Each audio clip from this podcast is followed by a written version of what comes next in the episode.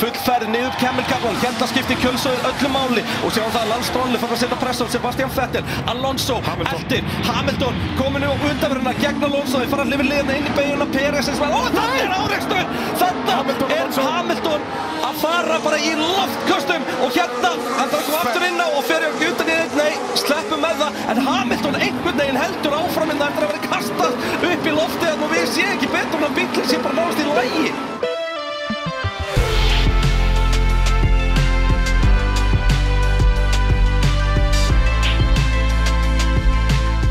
Jú, pitturinn hilsar hér á, uh, já, ömurlega Íslandi, ógeðslegt veður og allt hannlega, en það er alltaf sóli hérsta því þið bara heiminn. Já, það er bara svo leiðis og það var náttúrulega ógeðslegt veður alla helgina og í Belgíu líka, það var bara sunnundagurinn sem var beautiful. Sko, var þetta svona ógeðslega, var þetta ekki bara svona pínu næs? Var þetta ekki bara svona krútleg mið Evrópu sveitastemning? Svona á þetta vera, bara það grámiklan á yfirstíga, Já. alveg hægri vinstri Þú veist, þetta hefði verið bara mjög gott í eitthvað svona svartkvita bíómynd, svona svolítið dimma, jafnvel hljóðlösa. Hvernig var þetta? Það kom rigning í endanum á fyrstu æfingum Endanum á öðrum æfingum, Já, sem hann var, náði samt eiginlega ekki, það voru eiginlega drópar í tímatökum, þú veist, eh, sem hafði ekki áhrif, Já. en það var alltaf, þú veist, það var alltaf eins og einhver væri bara að hrækja á fólk að það. Já, þetta var svona, það var En bara það kom, úði það yfir kom öllu. proper rigning í lokin á, á fyrstu Fyrstu æfingum alveg rétt Þannig að æfingarnar voru svona pínu spes uh, og svo kom keppnin og, og út af æfingarnar voru svona pínu spes að þá fengu við áhuga að vera keppni tvekjast á báallun, sumir uh, reyna að fara langt á hörðu, veist Ég elska bara þetta, þegar liðin vita ekki alveg nákvæmlega hvernig dekkin er að fara að haga sér og það er allt, allt að vera þessi aðstæður á sunnundum heldur en uh, á æfingum og þá fáum við svona hugulheit Ég var alltaf að fatta að ég þarf að fara úr reggjakkanum, ég er komin inn. Já, það er nákvæmlega, nú þarf maður að, það er polligala viður á okkur strákonum hérna í Nóa Sirius stúdíói podcastöðurinnar Ég er alltaf kall. Ó, verður þér ekki kalt? Það er bara svo leiðis. Pitturinn að sjálfsögðu í þægilegu samstarfi við Wallis Arena, Dominos, eh, Kalda, Bóðleið, verkvarasölunar og eh, Viaplay. Ég held nefnilega að þetta er svo vel orðað hjá þér Í þægilegu samstarfi já. Því að sko Þessi fyrirtæki sem að standa við baki á okkur Mm. og, og þar alveg færa ykkur gott fólk pittin Já. um, eru yndisleg og bara í samskiptum í, í samvinnu, þú veist, það er passað upp á okkur um, Við erum hérna bara fyrir heimilin í landinu. Já, og, og, og alltaf til í að gefa pitkrúin eitthvað Það er bara nákvæmlega svo leiðis. Eh, Svo er náttúrulega okkar allra besti baldur Friðberg eh, Björnsson. Hann er mættur í The Goddamn Pit Crew Legend Open. Bell Það er reynd ekki amalegu pakki, sko, það er alltaf að uh, fjölgast uh, fólki þar og við vorum nú að gefa líka fólkin uh, pitt í mynd Já, inn á djúvill var það montæmi maður Þetta er, þetta var svona 2002 stemmingi Já, hvað er að þér? Af er hverju, ertu fastur í fortíðin? Þetta er bara hann Anton og klikkaði driftari sem bara mynd okkar Hvað er aðeins um drifturum?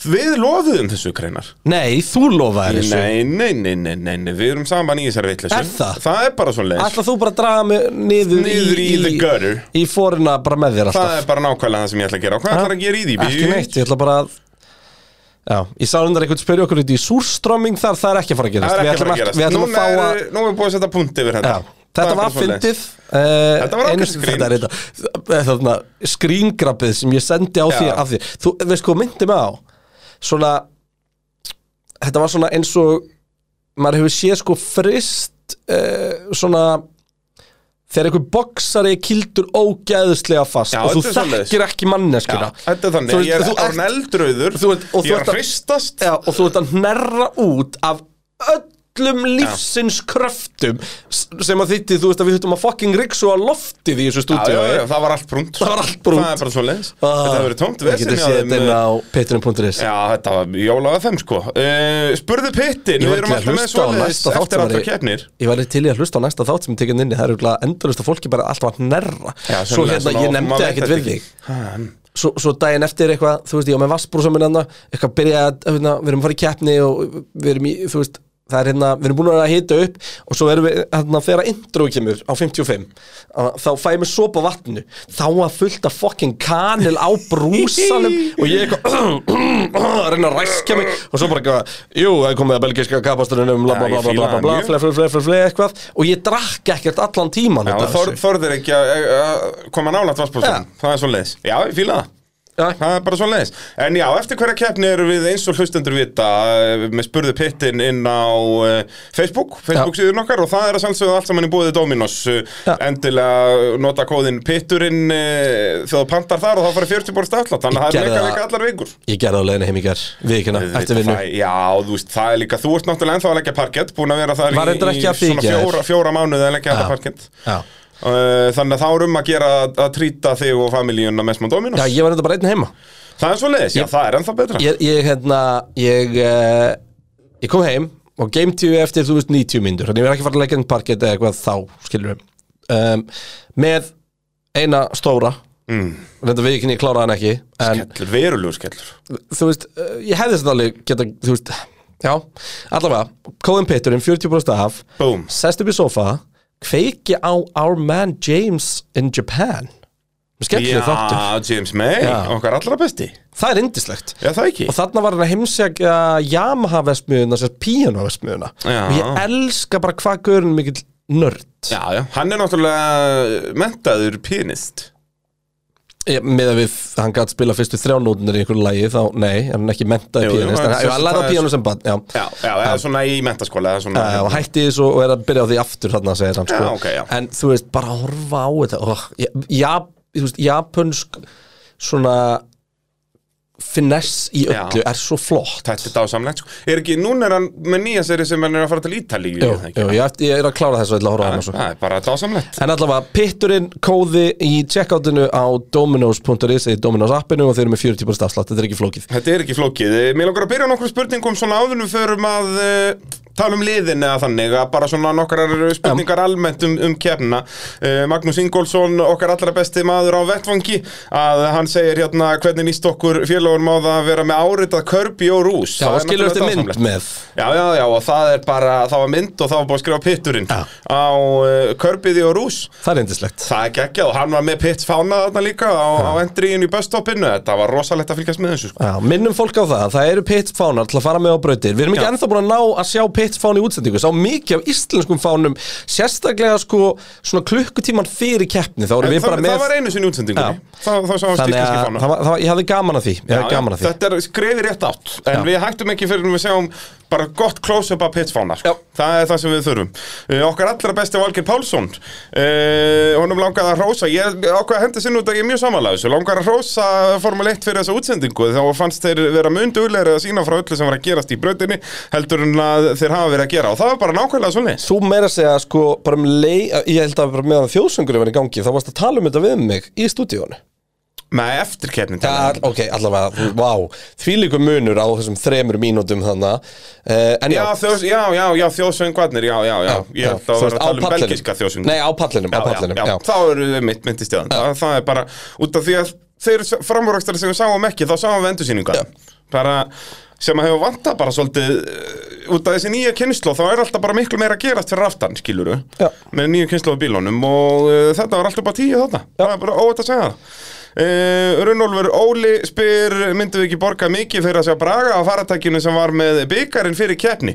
Það er rosalegt, það var mann á jetpack ekkert eðla svart. Með byggarinn og fer alla brautina sko. Spáði að vera með bjösvinni á jetpack, það Það væri geggjum rosalegt, ég væri bara eins og Robert Downey Jr. Já. bara, það var engin munur. Uh, og Nökkvi Gunnars uh, er ég að miskila en kerði bílarnir inn í pittinu öfugt í lokkeppninar eða kerði þeir allan ringin og hann fannst verðstappen ansi fljótur inn í pitt eftir sigurinn og það er það er svo Já, leis þetta er alltaf gerst á spa. Það Það er bara, bara svo langur en enn ekki að keira hérna ring já, Ég hérna kláraði einu svona keppni svolítið pyrraðar þarna Mm. og vissi ekki af þessu, þetta var fyrsta keppni mín hana Kirt á mig og ég var spinnaði og ég var hún aftastur og eftir að hafa verið, þú veist, bara fjóruði í tímatökum og ég gegg, og náðu geggjast aftur og eitthvað. Allavega, hérna Ég þurfti bara að pína negla niður því að það lappa bara fólk út á brautina að benda þér á þetta. Já, og þú þarfst náttúrulega að vera alveg ist bara til að ná að snúa bílnum og því að þú mátt ekki spólunum í hringskilur eða Nei, nei. eitthvað líka. Þannig að þetta er vesinn, en þetta er alltaf gert að spá. Og þetta er bara út af því annars væri við í 20 mínútur að býðast allir kemur í pitt eftir já, það. er er svo og, og það er verið að reyna að hleypa fólk inn á brautinu til að geta hlaupið að afvelinu ballinu Já, þú veist, þannig að fólk sem er kannski á rús getur hlaupið á raskaplan Já, fólk sem eru á rús eða, eða busstoppinu eða álíka. Þannig að já, þetta er alltaf gert. Já, og er bara stór snjált, það er óvægt að segja það. Hérna, en þá skulum við fara bara yfir liðin. Ef að Kristján verður rólegur í skjálinu Þetta er alveg agalegt Þú byrjar að hæla þetta allt hérna. Sorry. Þetta er agalegur alveg hreint. Uh, Red Bull Racing, ótrúlegt að sattir í fyrsta sæti í heimsvistaramótinu með 475 stig. Uh, Hvað, þetta er núna komið 118 stig sem þeir eru á undan Ferrari. Uh, og Max Verstappen var í fyrsta sæti Sergio Pérez í öðru sæti. Þetta var í bara í fyrsta skipti sem báði Red Bull eru á velunapalli síðan bara í Monaco. Og þá voru þeir einmitt líka í fyrsta og öðru sæti. Já, og Baku. Þá gerðu það tvæ keppnir upp, Monaco og Baku eða ekki? Og þá voru þeir, en í Monaco voru þeir í fyrst og þriði, eða ekki? Jú. Uh, og þannig að Max Verstappen leiðir heimsvæstaramóti með 284 stigar, núna hvað 98 stigum á undan Leclerc. En uh, Leclerc er náttúrulega dóttinur í þriðasetti Peres komin upp í annarsætti heimsvæstaramóti með 191 stig. Max Verstappen wow wow, ræsir 14. endar á að vinna liðsfélagan með Byrjum- 18 sekundum Byrjum aðeins á að tala um þessa tímatöku. Já, Þú þetta er alltaf létt fyrir hann sko. já, þessi bíl var svolítið mjög, mjög, mjög, mjög, mjög góður á Já, og, en sko er það að þú veist Það var ekki Sergio Pérez sem var lang mest annar sko. Nei, nei, en samt svona bíli milli þeirra er basically að sama á vinnulega Herri, ég er með svar af hverju tóða hann ekki Það átti bara ekki að slíta neinum dekkjum Þannig að Max ætti öll dekk sem hann gæti þurft að halda í, uh, í uh, keppni. En ég meina áttan ekki þrjá eða fjóra nýja ganga Jú, en þá er væntalega breytilegar aðstæður, öryggispílar, það eru alls konar stöð þú veist, og bara vera Max Verstappen og vera drullu saman allara, það er hluta af þessu líka. En Já, en ég meina hérna, þetta er alltaf liðið sem ákverður þetta Það er ekkert mál fyrir lið að segja Max Ja. bara heyrðu farað tógan já, og er bara hérna um slítin milliður dekk sem við getum farið út á. Já. En hérna, sko, sko, sko, sko Þessi ringur Max? Og bara munurinn, ef þú horfir á sko Peres on board og Max on board þú veist, límist bara horfa á púan commitmentið hjá Max hann var svo fullkomlega í tengingu við bílinn. Þetta, þetta, þetta var svo öðvöld hjá hann og þetta var bara þetta var störðlaður ykkur Já, sko, hann setur Hann fer ekki, eða næri ekki hringi setnanskiptið eða hvernig Hann fór ekki fer- manstu, hann fer á út í-. Akkurat, akkurat. Þannig að hann bara fyrir hringurinn og það er samt hvað 0,7 hraðar þetta minnir mig á 2013 Fettel. Hann gerði þetta. Bara svona uh, bara, þetta er alltaf veðult fyrir hann. Bara ötter dominant sko. Þetta var þannig og sérst ef við tölum aðeins um Red Bull bílinn sérst ástæði fyrir að Red Bull voru lang, lang, lang, lang, lang bestir á spa er bara vegna þess að bílinn þeirra hendar betur í að vera allir þurft að hækka bílunni sína basically út af órús. Þeim get ekki verið að botoma svo mikið út þar þó er voru náttúrulega allir að því en bara til að minka það út af þessum nýju reglum og uh, Red Bullinn bara höndlar það miklu betur en allir eru. Og það er með mikið nendarhraða og næra að halda meira downforce það er sérst meira downforce bara ofan á bílnum frekar en ground effect dæmið. Og fyrir vikið þegar allir þurft að hækka bíluna sína þá bara gáttu með þetta Já, sem ferri ekki og, blötan sko. og Red Bull bílinn virðist bara virka miklu betur í low down for spekki heldur en heldur en ferðin. Og við höfum vitað það. Já. að sweet spotin, þú veist, það verður allt yfirleitt þetta við erum alltaf að tala um hver Red Bull bílinn fljótur byrni línu en, en stór hlut af ástæðin er að það er alltaf minna downforce á honum til þess að hann virki fullkomlega versus ferrin því að vinslusvið á ferrinum er, er alveg hinum megin. Uh, svo er fleiri hluti sem kom inn þú veist, dekkjasliti virðist vera orðið best hjá Red Bull. Mannstu, það, við, það var, það var veikilegt þegar við byrjum tímbils bara Ástralíu kappaksturinn bara svo skólabaka dæmum það sko. En hérna, en annars mér langar til að nefna sem að var, glimtist pínum helgina var eitt sem við vorum að tala sem við vorum hrættu við og með teknikaldirektur við. Þú veist, Red Bull bílinn var ekkert að porposa. Þú veist, að sjá þegar að Max Verstappen fer fram úr Carlos Sainz Carlos Sainz eru svo skopparabolti sko. Meðan Red Bullin er bara, mm, bara smúð Jep. þú veist Þannig að ég hef pínu áhyggjur af því að mögulega hafi, Kristján Horner jókaði með í viðtali svona sem að bara var bara rakstöða fyrir tilvölin þar, hann sem að bara þakka Toto Wolff fyrir reglubreitingarnar þannig að Það er bara svo hérna leis Þetta er allavega þarna á spa var þetta auðvitað hjálpa Red Bull langmest. Já. En þú veist, sandvort það á að vera Ferrari braut sko. Þannig myndi halda, en ég held samt að Max vinni. Ferrari, já Ferrari mun gefa honum veginn, þeir finna sína leiðir í það Það er náttúrulega, Red Bull eru langmestu Ferrari fans af öllum uh, á brautinni Nei, það er öfugt, Ferrari er langmestar Red Bull fans. já, já, já, já. Það er svo leiðis uh, Guðlaugur Valgeirsson spyr Þrátt fyrir margar skemmtilega keppnir í ár uh, mun maður horfa tilbaka eftir 5-10 ár og finnast þetta mjög boring ár?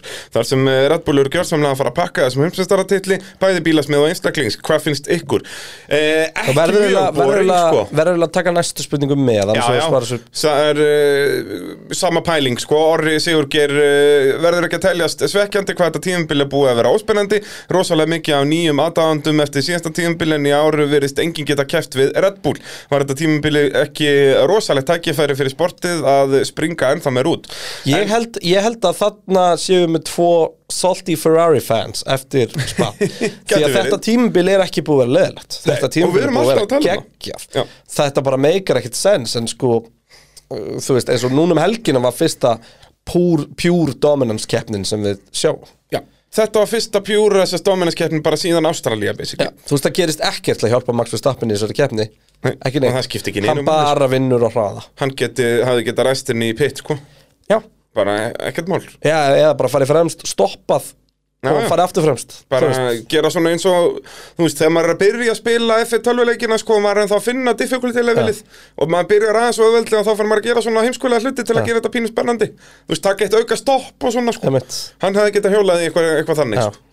Hann hefði leikandi getað tekið auka stopp og bara síðan tekið fram úr Peris Já, 100% bara ekkert mál. Hann bara þurfti þess ekki, hann var með hraðast að ringja með 35 kg á bensinu Já, já, hann hefði auðvitað bara getað sett í hann annars hann ring þó hann væri sko á högstleitnum dekkjum sko.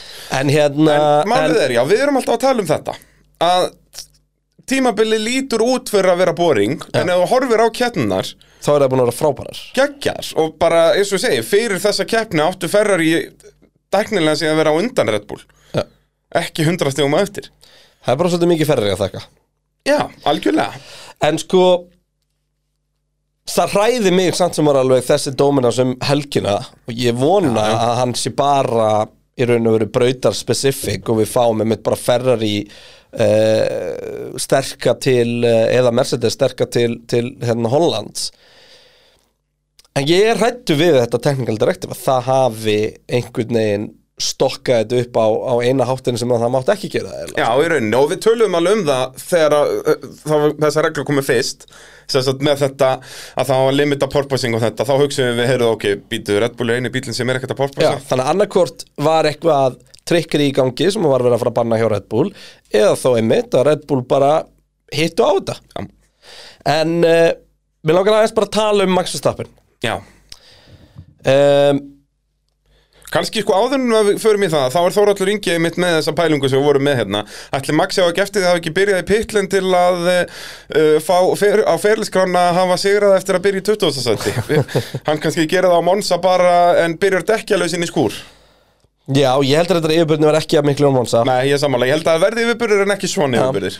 En uh, Jú, hann hefði auðlustlega að gera það Eftir að ekki á það ekki. Sko, mér langar aðeins að tala bara um Max Verstappen Því að Það sem að mér leið eins og ég hef verið að horfa á hann í gær Nei, fyrir dag Var Prime Schumacher Já. Það var svona sjúmakar 2004. Já. Hann er á geggjuðum bíl, er Hann á veit bílnum og en, bara er á annara plánutu, sko. Já, og hann veit það Já. Þú veist, ertu múin að horfa á fyrsta hringin á Max Nei, ekki svona onboard, þú veist, allan hringin, sko. Þetta er ekki líkt Max í fyrra Já, hann, þannig er hann bara spakur Þú ég ætla ekki að segja að hann hafi verið soft, sko Nei, nei, en hann og veit hann alveg að setur sig hefur alveg í tíma. hættu einu sinni á ringnum þegar að það er Aston Martin sem fyrir út af Ville Kóm og kemur inn með hliðina á Stroll. honum strólega að hérna, hann setur sig alveg í smá hættu þar en þetta er samt svo, þú veist, það er geðveitt og horfður hann koma niður að Órús hann er þetta að klikka smá hjá honum en hann býr sér til bil til að saksa upp Órús og sækja niður kemmil, þú veist, hann bremsar fyrir, alveg vel fyrir Órús og er komin í botgjöf upp í gegnum hana. Já. ég veit ekki, þetta, þetta var skeri sem ég var að horfa á hvað hann var. Já, þarna er hann svona dottin í bara hérna svona Hamilton-gýrin og Schumacher-gýrin að hann veit að bílinn er það góður, hann getur verið rólur yfirvegar, útreknaðar En samt gekk betur í honum að vinna svo pakkan heldur Leclerc, sko. Já, herðu, Leclerc komst fram úr um á fyrsta ring Já, það er svo leið eða sko, og þegar ég segi framúrunum þá er þeir hlifið hliði gegn no name og framængurinn að Leclerc fyrir framann en Max lokar á hann og á leiðin út. En Fer síðan Max ekki utan á eitthvað í gegnum búhund uh, ekki á fyrst Nei, það var seinna, já. En hérna, já, ég bara tók ekki eftir því. Klerk var komin upp að liðinu Nei. En síðan bara fer við stappinu í burtu sko. já, og náttúrulega hendir bannahýði í Leclerc. Búm, tekur Super Mario trykka á þetta. Við kannski tölum betur um það á eftir sko. Það var uh, rosalegt múf en hérna þessi gæi, sko, og bara þú veist, bara hann var einn og hálfur sekund og ring hraðari heldur en allt fylgdið. Já, þú veist, Og- ég hef aldrei svo ég mun eftir séð þetta. Aldrei, nei, ekki svona sem og því ég man ekki eftir þú veist, ákveðið. 2004 sjúmakar Eða 2013, þú veist, 13 Fettel gerði þetta alveg nokkru hann var ekki einn og hálfur sekund og hraðari Webber ring Nei, en þá var Webber líka lágætt söngum maður. Já, Peres er það líka. Já, já. Ég myndi samt reyta Webber. Já, hvað Er það? Já, jú. Webber átti alveg hvað, 11 sigra eða eitthvað, þú veist. Já, hann, hann var miklu lengur líka á besta bílnum, sko. Já, en ég minna á besta bílnum Það eru tvö sísonar sem Já, hann jú. á möguleika heimsveistara titlum Þú veist, með þrjár kemnir eftir ég skal, ég skal, ég skal kaupa það. Ég myndi setja svona Webber og Bottas saman og Peres einu fyrir neðan. Þá er tala um Prime Bottas hjá, hjá Mercedes. Og þó, nei, ég myndi segja að Webber sé betur en Bottas. Eins og segir, 2010 og 2012 Já, þú veist, Webber var þá er hann að ber- sko. að berast um heimsveistara Já. titil, skiluru Þessir hafa aldrei verið nálætti eins með bara kello. Aldrei um nálætti ég, ég, ég, ég, skal, ég kaupi þessu rugg. Þakka þér, og við erum að tala um að þeir eru allir að berjast við einhvern sem gæti verið titlað sem the greatest of, of, of, all time um, hérna í, þeir prime sko þú veist, á, bara algjöru prime hjá Fettel.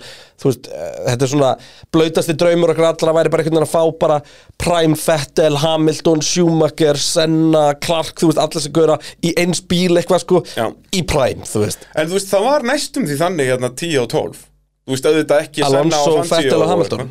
Já, allir á bílum sem að gátu unni kefnir Já, Það var ansið störtlað, sko. Algjörlega. Og Böttom, náttúrulega líka Algjörlega og ég meina og, og við erum óbúðslega nálagt í að fá sambarlegt prospekt núna með Leclerc, Verstappen og, og, og, og Hamilton núnandi sko. Og síðan eru þarna, þú veist, Sainz og Perez. Já og, og Russell og, og hérna, já ég, ég, ég, ég get ekki sett Peres í þennan hóp, ég get það ekki. Nei, en getur þú sett Sainz? Nei, eiginlega ekki. Sainz er miklu líklegir til að vinna keppna mútið Leclerc heldur en Peres mútið Verstappen. Já, 100% Sainz, þú veist, reglulega á undanlega klerki Hver er líklegri ef að þið var í saman bíl Sainz gegn Verstappen eða Peres gegn Verstappen. Sainz. Sainz, já, já, ég, mynd, ég reyta Sainz meira en Perez, sko, það er bara svo leið Hann er- En það er samt svo fyndi, ég fór að skoða sérst úrslit síðustu kjarna Mm. Og alltaf þegar Vestapen er að vinna og Perez er hérna þriði, fjóriði, fymti Þetta er alltaf sama bílið, það er alltaf 18 sekundur á millið þeirra. Já en munurinn er sá að Verstappen Nú ræsti 14 Já, það, er, en var komin upp í fyrsta seti á 12 fokking kring Já, þú veist Tæknilega, þú veist, já, það nátti eftir að stoppa. 25% af keppnin er búið. Já, litla dæmið, sko. Þvæla sko. Bara, Og þá voru samt þrý ringir fært að öryggisbíl þar, sko. Eh, Já, vá, auðvitað. Já, já, þetta er basically bara nýju Ekki að vera, hann fær ódýrt náttúrulega, þú veist, Hamilton sem að hefði, nei, veistu, það hefði ekkert verið erfitt fyrir. Nei, ekki neitt. Það hafði tekið hann bara Eitt einn kemur kemmel, kapla, sko. já. Þú veist, Þetta er ekki flóknara það, sko. Algjörlega, og veistu það bara, þú veist, þetta er bara pari, þú, veist, þú orðaðir þetta svo vel í útsendingunni, það eina sem vantaði í þetta var endakall. Já, það hefði verið svo geggja ef að þú veist Þegar hann er komin tíu sekundum undan Peres að þá þarf hann að berjast vilja klerk eða eitthvað skilur, þó að hann hafði pakkað honum en þú veist, eða hafa Hamilton í, á góðum bíl Bara Brasilí fyrra, þetta er, þetta er, þetta er sambarilegt og, og bara, dömur og herrar, bara, þú veist, verið bara þakklátt fyrir að fá að verða vitni á svona, þetta var ekki leiðileg kefni, þetta var kefni, sko. Já. En hérna, þótt að við vissum einhvern veginn, en þú veist, hversu steikt var það að fara inn í helgina? Hvað sagði ég, hérna, eftir fyrstu æfingu? uh, að Vestapen við samt vinna þó hann ræsi aftastur Já. og þá vorum við að tala um að við heldum að hann ræsti 20 asti meina, og það var svo fyndið til þess að fylgjast með stöðlum á, eins og á kúlbötum helgina þú veist, þá var stöðlun 5 Já. Hann fór, þú veist, hann var stöðlaður lægst í veðböngum fyrir keppni ræsandi 14. Já. Já, það var bara fyrir, sem sagt á sunnudegi var þetta bara 2,5 eða eitthvað. Já, og þú veist, ég segi, hann er lægstur af öllum Ég segi það, bara er, hann er líklegastu til að vinna þó hann ræsi 14. Ótrúlegt, sko. Og það var líka bara þannig, eða, þú veist, það, við heldum það allavega, það er bara 100%.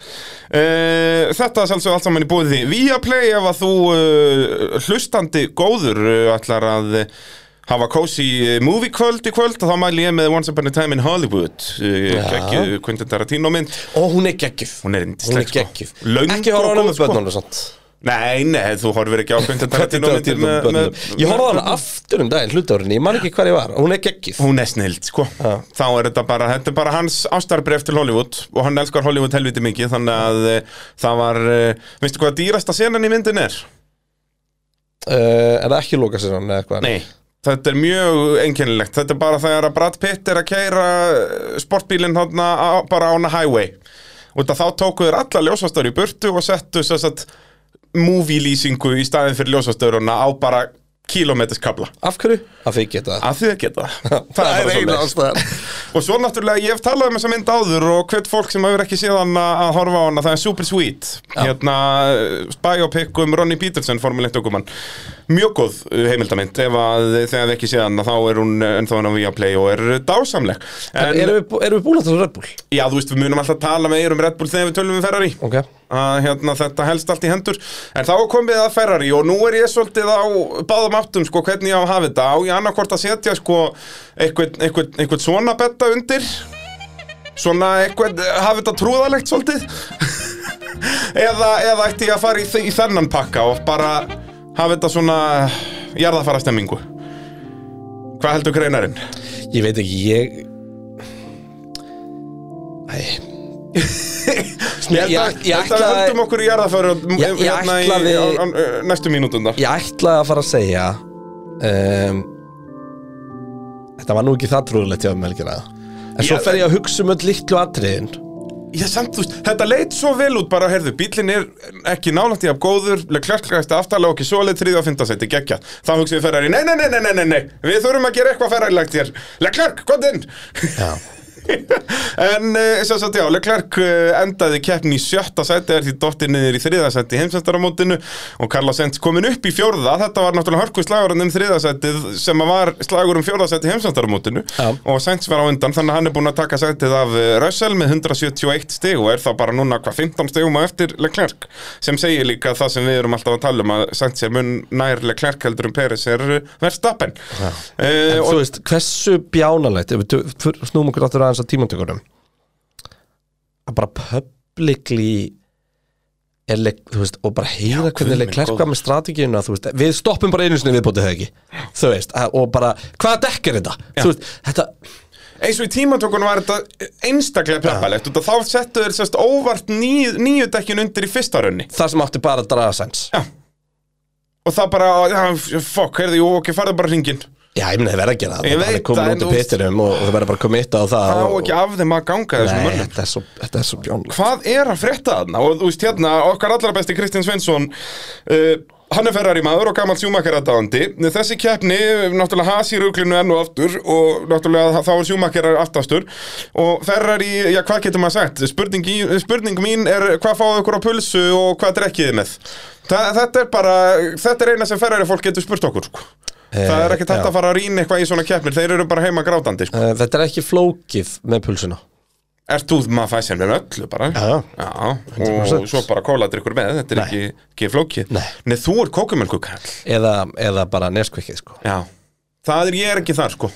Ég Þú er hef, bara, þú veit ekki, kannt ekki gott að meta þá brauð og mjólk er, er ekki minn teipolli, sko. Hvað er að þér? Það er bara, ég veist, ég drekk vola lítið af mjólk Já. En kókumöld með pulsu er bara Já, já, ég, ég skil þig, en ég er bara ekki á þeim vagni. Þú virðir þetta? Ég virði þetta. Ég bara, ég vildi að ég gæti gert þetta. Þetta er bara, Þetta er mjög töf Ég hugsaði, þú veist, alla, alla mína æsku hugsaði hvað ég verið mikið til að geta borðað sko skötu Mér fannst hún svo vond Ég er ekki þar en, en, uh, Og það er eins núna, nú var ég til í að geta borðað kókumjólk með pulsu En ég bara geta það ekki. En ég get borðað skötu, þannig að það er í toppmál Já, Þú get- getur fara að vinna þig að kókumjölkinu Búið með þetta lightweight stuff. Ég búið með skötuna sko, þá getur farið í kókumjólkinu næst sko. Herri, mér langar að hendi eitt sjátt Er þetta ekki okkar maður uh, Kitty Þetta er Kitty Málari. Kitty Málari, já, já, já, Hérna- já, Við þurfum að tala mjög vel um hann sko Við getum bara fengið farið inn til hans sko að mála grandin eitthvað tíman Herri, taldu það, hann er tilbúinn. Við þurfum að fara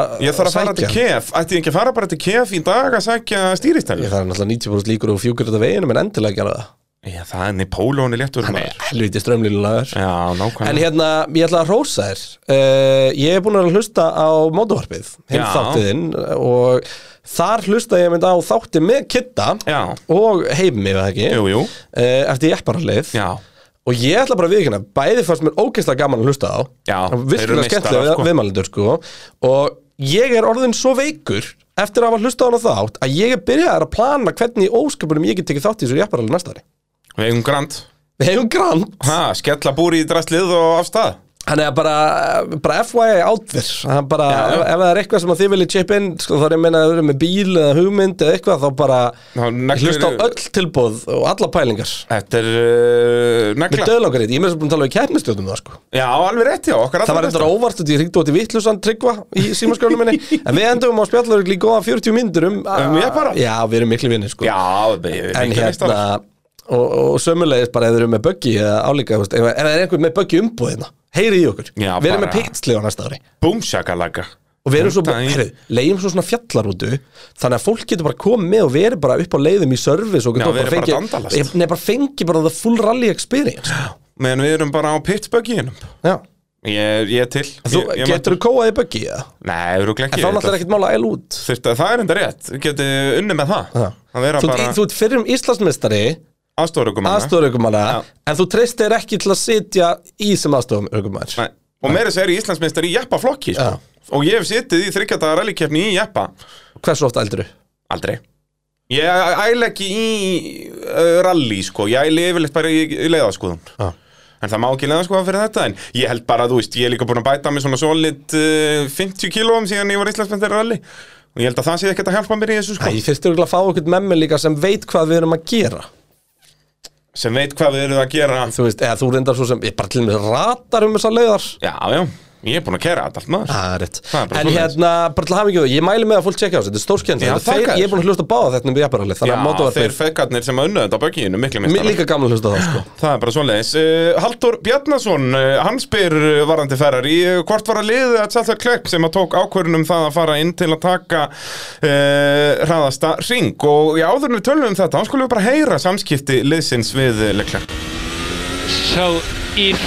þá skulum við bara heyra samskipti liðsins við Leclerc So if if we stop now, we'll be one second ahead of Alonso. That will be to attempt for a fastest lap. So box this lap. Pit confirmed. I will not risk it this time. But up to you if you really want to try it, but I will not risk it. So box now, box. Þarna, Bræði Stærstu mistökin sem Charles Leclerc gerir á ferlinum er að treysta ferri Já, sko, þetta fyrrum keppnina, þá var hann búin að vera geðað svona, uh, bara harður, bara ok, við stoppum alveg 100% bara einu sinni núna eftir þetta, skilur, eftir að hann fekk terofið í, í bremsukælinguna. En sko, áður en við hökkum Ferrari allt og mikið þá klárar hann 50 og reynir hraðast að ringin þetta náttúrulega, hann var 0,1 yfir þú veist, þetta er jafn lítið og hægt er í þessu speedingin á pitlegin ég gef lítið fyrir þetta. Ég meikar nú ekki mikið sensum en basically, sest, ef við tölum að þessum þetta Terof að þegar að Max og, og Leclerc fara fram úr Hamilton þá sprautast Óli yfir á Já. Max rýfur hérna filmu af hjálminu sínum sleppir henni, hver er beint fyrir aftan? Leclerc hvert er filman?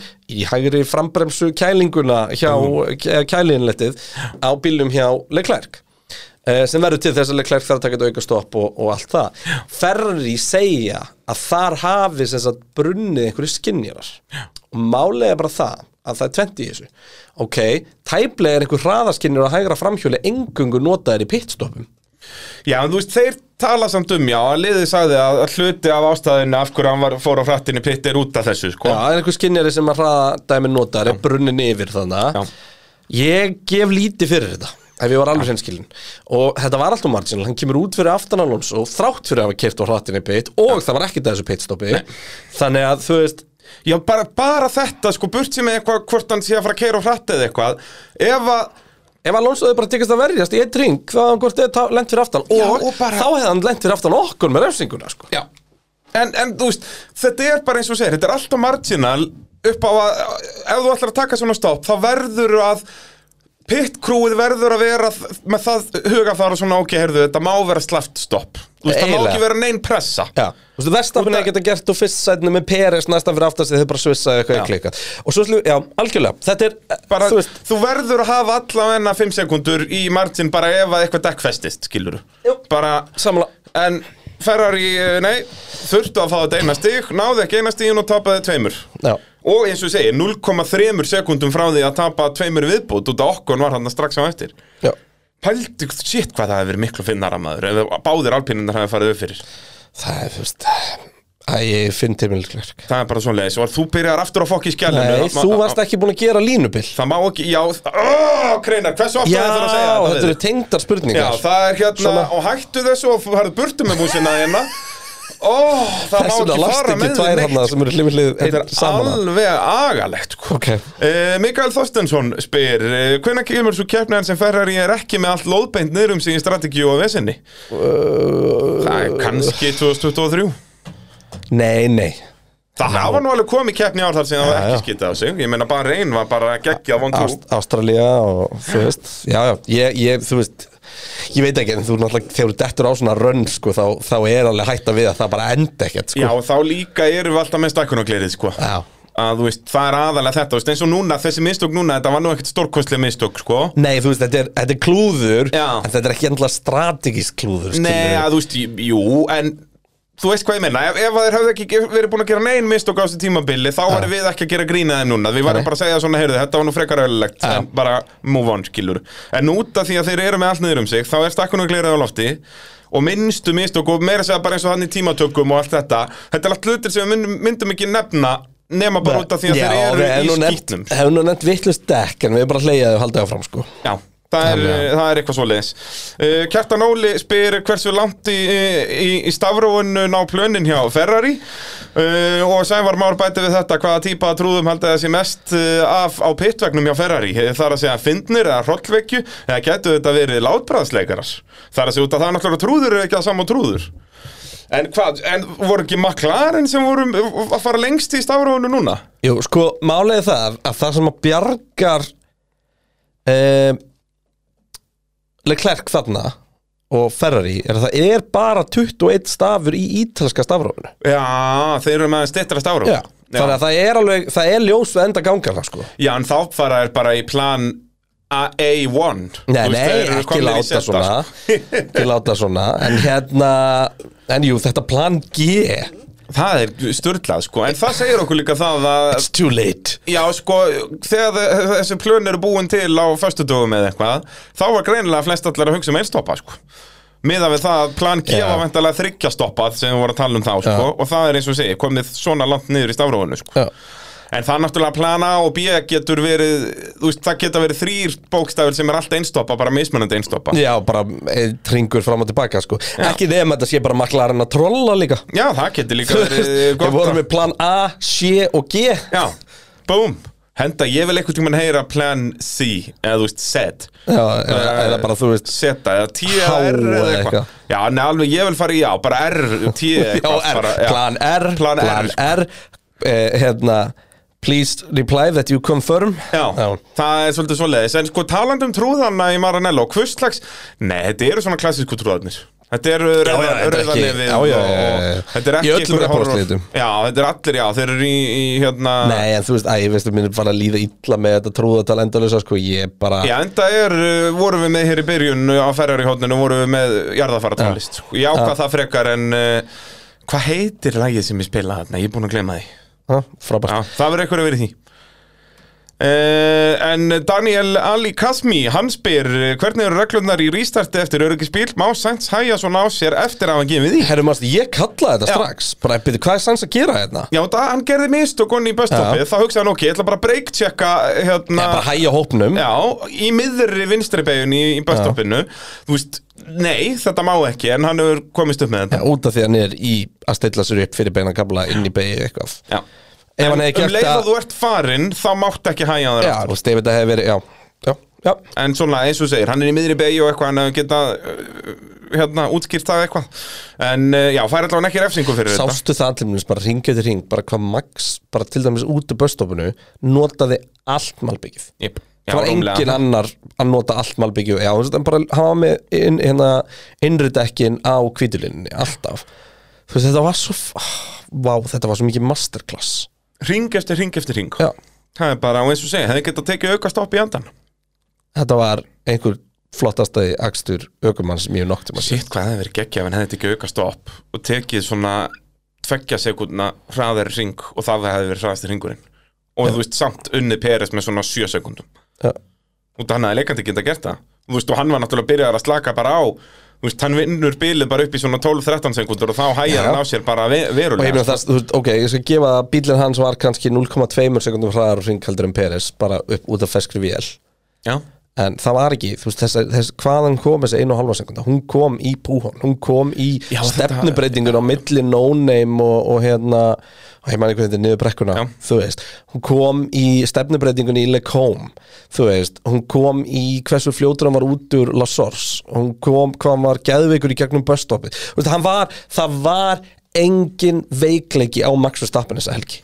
Og líka þetta með að uh, hann var miklu miklu hraðari alltaf. Æfingum tímatökum keppninni alltaf, Já. hann var alltaf bara 1,5 sekundur hraðari linsvelin ég held í alvörinu að það er ekki þetta í æfingar hann er samt unnið úr fjórtasæti Já, bara ekki neitt vandamál. Þú veist, bara, bara hann hefði geta mætt á sunnudegi bara ekki hann hafa hefði tekið þátt í nei, bara ræsir þá aftastur skilur eða bara inn, í pitt og hann hefði bara pakkað þessu. Já. Bara ekki vandamálið sko.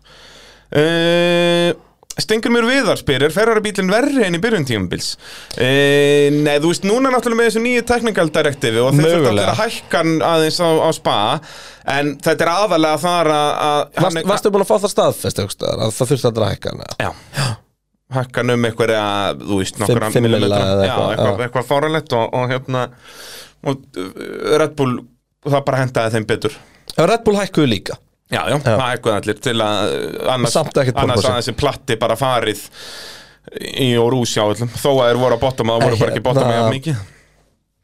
En Ég- nei, sko, bílinn er ekki verri, bara Red Bullin er miklu, miklu betri. Já, Red Bull eru bara að neglita en, en uh, núna er raunuru sko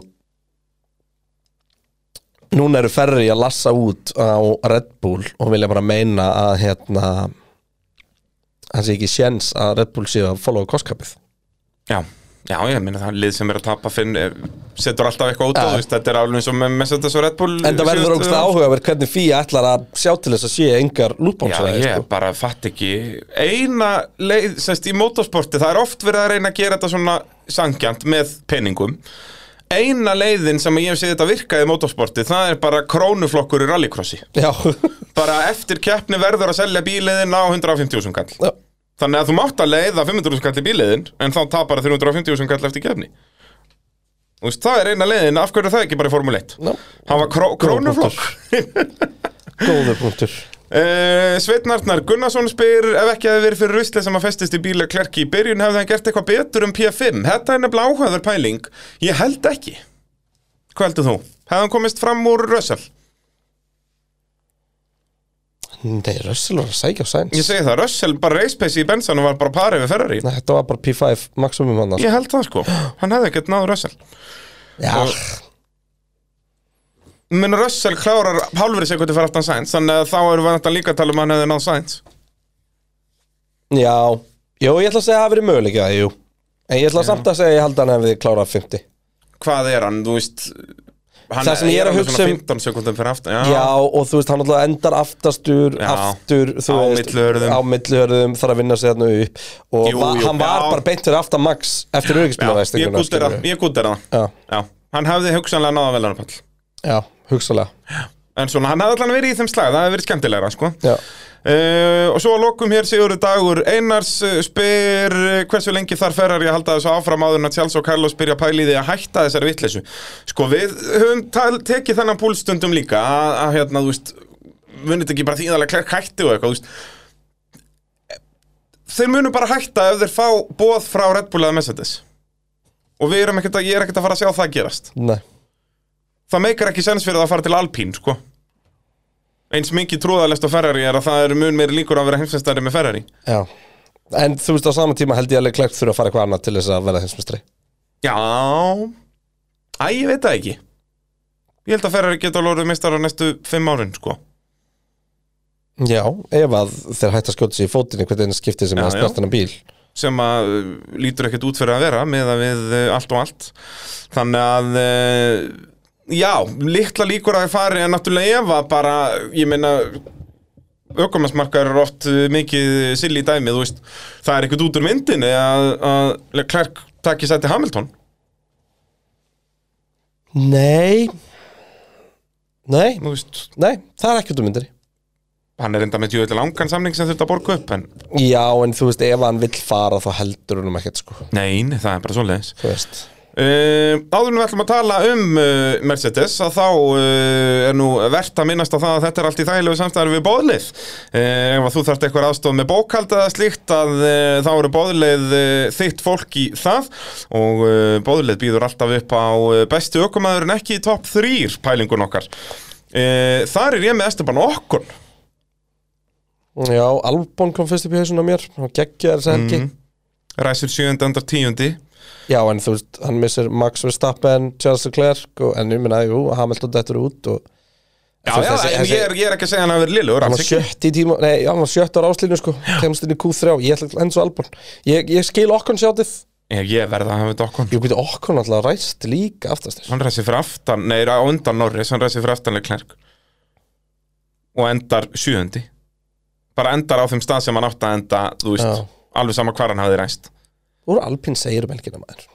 Geggjaðir, þeir bara voru á dominansi þeirra í mittfildinu var á pari við dominansi Red Bull, 100% það var bara eins og við segja, okkon Ég ætla, ég ætla að vera ásamlega, ég ætla að segja Albon þú segir okkon Það er, Það er en, en gott ef að okkon fær ekki sjátt á eftir líka þannig að engar áhugjur okkon aðdáðan þannig úti. Uh, Mercedes eru í þriðasæti heimsættarumotinu eru bara pikk fastir þar. George Russell eh, dottið niður í fymtasætið en Hamilton eh, ennþá í sjötta enda stiga laus í fyrsta skipt sem hann dettur út á þessu kemnistíðum bili þannig að nú hafa báðir uh, Mercedes bílarnir dottið út bara einu sinni og báðir á svona svolítið spektakular hátt Já, og þá, þá eru allir 20 bílinir búin að falla leik Já, Tjóðið held í, ó, mér var, bara, illt í bakkinu að horfa á myndina af já Hamilton fucking hell sko. Þegar maður sér bílinn hann bara á nefinu Já. Og ég, ég get sagt ykkur það að til dæmis sko um, Ég man eh, sérstaklega á, á spa eins og búan fórst út, út úr breytni búan og komst svo aftur inn á alltaf bömp Og það er bara, þú veist, það er bara eins og það sé Þú situr á játplötu og það er bankað í hana með sleggju sko. Þú veist, og þarna er þetta nót til að brjóta eitthvað í mótunum sko. Veistu hvað það var? Uh, nei, þú veist, miða við að olíuslanga fór í sundur að þá, uh, þú veist, geti verið sennilega bara mótorfesting eða ykkur djöfullin Já. En þú veist, það fór allavega, ég hugsa að það verið mótorolía sem var að fara út um allt. Þannig að það er nógu mikið skektist eitthvað þannig að leiðsla fór í sundur. Þetta var vantarlega ekki slanga heldur sem sagt solid rör sem að brotnar þannig að, nei, ég veit ekki nákvæmlega hvað gerðist, sko, en þetta var mótorolía að fara út um allt og alveg nógu djöfulli mikið af henni Þú veist, mikið af henni. innkarið var það ekki á verðstappen sem við sjáum bara að það baðast allt í olíu, Jú. sko, myndavelin og, og náttúrulega nei, það, nei það, var, það var einhver sem var nær honum En svo þegar þú sér sko á ombordum sem þú horfa á með honum með meit Það er bara, þeir fara fram úr honum bara í hérna Æ, þessum 62 endar uh, sest, uh, Hérna eiginlega bara sem sem Hamilton að- stoppar. Það er bara þar einhver stað sem er frá honum Og þar bara, það bara hverfur allt útsinni sko. Þetta verður bara, þú veist, eins og þetta horfi í gegnum bara svona hérna sandblási glýjar Alveg fárlegt Pæltir líka hvað þetta er ógeðslegt að vera það, þú veist, og allir hjálmurinn er á kafi Já, og eða? Já, já. Já. Og þú veist, og hanskarnir og allt, þetta verður allt frekar klístra Tekur samt ekkert eftir þessu. Nei, kannski meira bara svona eftirkeppni. Já, vondlíkt. En pælti í gamla þetta var þetta bara svona eftir hverja einustu keppni Þá allir bílar voru aðeins að smita, sko. Já, allir í sóti bara sem festis og í því og eitthvað þú veist, asbestos út, út úr brennslónum og bara hugulegt, sko. Það er rosalegt. Uh, Átni Bárðarsson spyr uh, hvernig er þetta Hamilton að, já, hvernig er þetta Hamilton að kenna? Please útskýra þetta eins og ég er sex ára. Já, um, það er bara nokkuð auðvelt, Alonso er að gefa Hamilton allt heimsins pláss. Já, Alonso var næstum því upp á grasinu. Já. er, bílinn hans er undir kontról, hann er ekki að undistýra hann er upp á veist, ég held bara ég hugsa þetta blindapunktstæmi Hamilton sé bara rétt, hann heldur en sko málið, nei, það, er- hann getur líka sagt það sko, því að ef hann er í blindapunktinum þá er hann þarna. þá er hann þarna. Og hann veit alveg að bílinn er veist, og enda Hamilton er bara að horfa fram fyrir sig. Hann heldur að hann sé komið fram hann Hamilton ætla bara að fara alveg upp að körpinu og innanverðinu, Já. virðist vera. Og hérna, og keira bara sína línu og uh, hann bara gleymi að það er gamall refur sem heitir Fernando Alonso inn á verðinni sem er ekki að fara að gefa tommu eftir Já, þetta er samt svo bjánald til Hamilton út af þannig að allan tíman náða að halda þessu framúrækstir ef hann hefði 100%. gefið honum metir í viðbót sko. 100% bara út af hann er með inn að vera línu næstu og vissulega hann ekki farið að pratt út úr vinstri beginu en það skipti ekki neina mál af það er næstu bara, hægri skilur og fyrsti ringur og bara þetta er líka synd og skömmið að mista honum út úr þessu miða við hvað reisbessi var ágætt hjá Russell eins og við vitum, hann, þessi Benz er ólsegur í þessu að vera bara um leið og hann Það er alveg að segja að reispessi sé ágætt á bíl sem var 1,5 sekund og hægur og ringkeldur en verstafinn alltaf kemna Já, þú veist, miða við Mercedes. Þú veist, ég er að segja að það, við byggumst ekki að þú bjóst ekki við því fyrir keppni að þeir getur við Ferrari. Nei. Nei, er sem ég er Ég að um. skildi ekki hvað var verið að drömma upp Mercedes fyrir þessa braut sko. Nei, já, það var náttúrulega lungu vita að þeir var ekkert að fara að vinna. Hérna. Hamilton var efstur í veðbökum í byrjun Já, alveg rétt, þegar að, já, Hamilton var með fjóra og, og Vestapin fimm. Já. Já, á föstu deginum og bara, what the hell? Þú veist, það var aldrei, það var aldrei möguleiki. Nei, þá Peres og Sainz voru frekar að fara að vera á undan, sko. Þú veist, ég, ég veit ekki, þú veist, og jú, jú, ég meina að þú veist, þetta leit vel út í Ungarlandi og þar var möguleiki og eitthvað svona dótskiluru en þar var Max Verstappen líka að vinna sig upp úr tíundasætinu, sko. En eins og Benz verða, segir á Sandvort, Já, held ég. þar held ég nefnilega að verði bara Benz á velnapalli, bara potið. Já, jafnvel tveir. Já. Náttúrulega, Hamilton hefði verið velja hann 100% Núna, Já. Miða við hvað, það eru tveir bílar milli hans og Russell þegar þetta gerist, eða er meiri. Þú veist, hefði hann ekki alltaf verið á undan Sainz? Ég veit það ekki, hann hefur verið og bát allavega, bara eins og Það- Russell Ég segi sko. það, þetta hefði bara verið skemmtilegri slagur Já. basically, það er óvænt að segja það.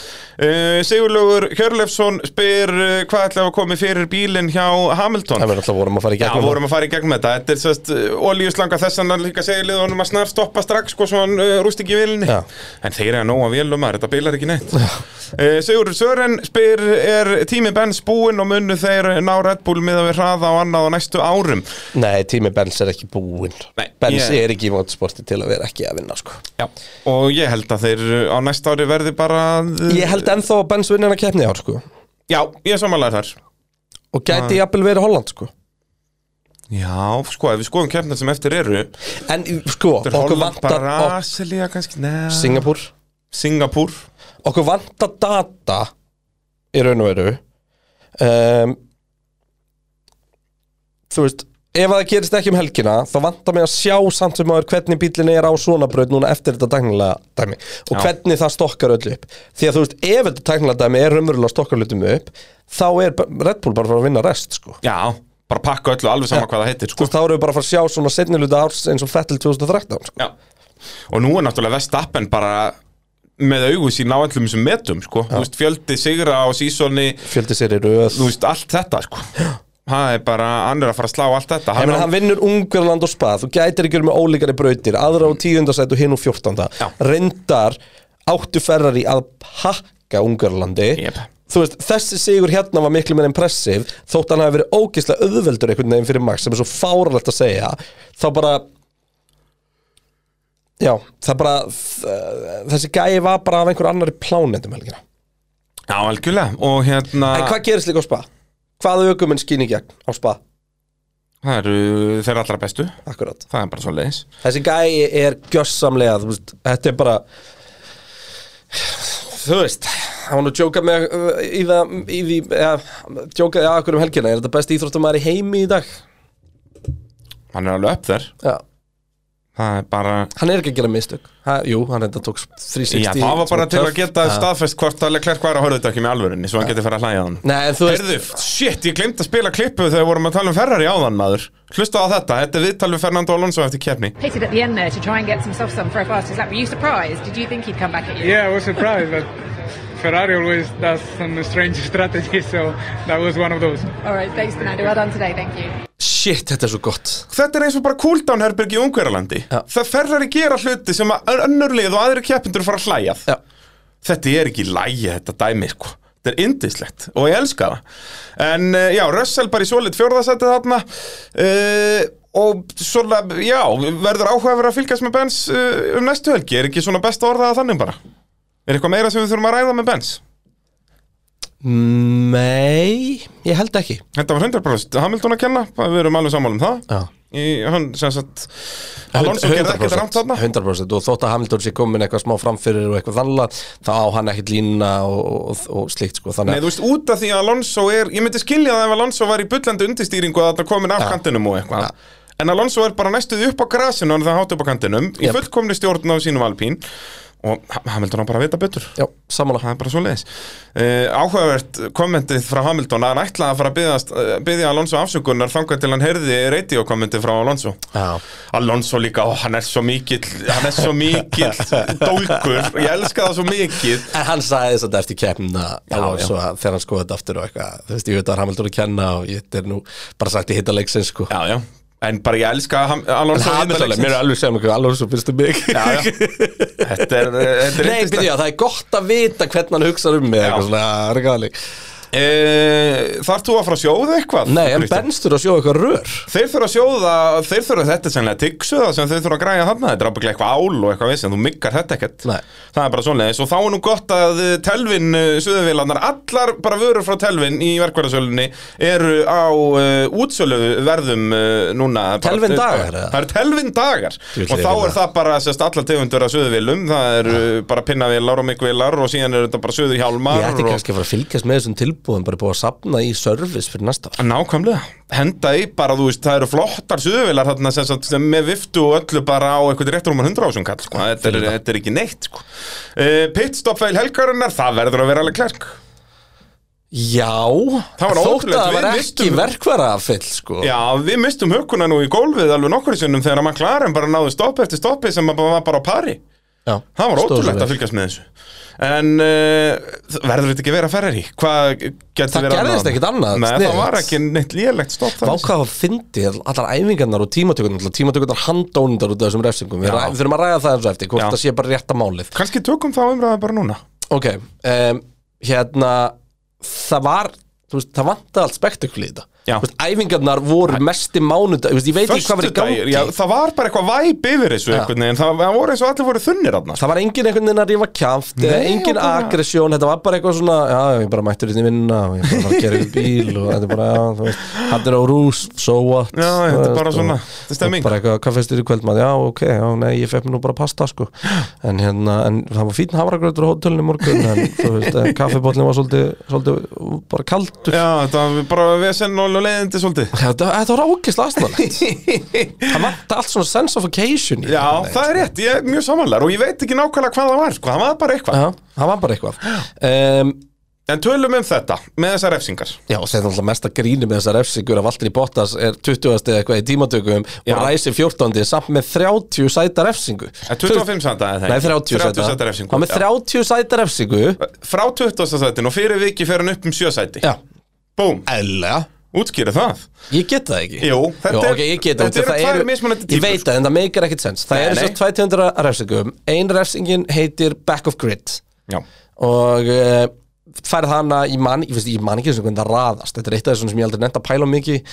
En hérna, mér minnir að þú skiptir um uh, hérna, internal co- combustion engine þá færði back of grid, eða ekki? já, sett við elina sjálfa Er, er það ekki þannig? Ég manna ekki. Allavega, það eru einhver refsingarna sem er back of grid og svo eru aðra sem að gefa þér bara 5 sæta eða 10 sæta eða eitthvað álíka. Þú veist, fyrir Og hvert komponent til skilur þú skiptir bara um MQK að þá er það 5 setta en Já. ef þú skiptir um það og MQH þá er það 10 setta, þú veist. Já, þetta er auðvitað, þú skiptir um allt, þá er það back of grid Allavega, Max Verstappen til þeim skiptir um allt pluss girkassa Já. þannig að það er þá 5 hann, náttúrulega- Back og það er, það er pottet ekki út í hann þurfti girkassa það er bara til að taka refsingu í liðinni sem er heldur ekki í lagi skilur, það, það, það beats the purpose of it all sko. Jep. þannig að hann fær þá back of grid plus 5 Ferrari Samt ætluð að reyna Mér finnst það í lagi, þú veist, að Já, bara taka þetta al, allt út í algjörlega. Ferrari ætluð að reyna svipað fyrst, en komum svo að þetta breyta öllu hann, hann enda með back, grid, eh, back of grid líka hérna Charles Leclerc.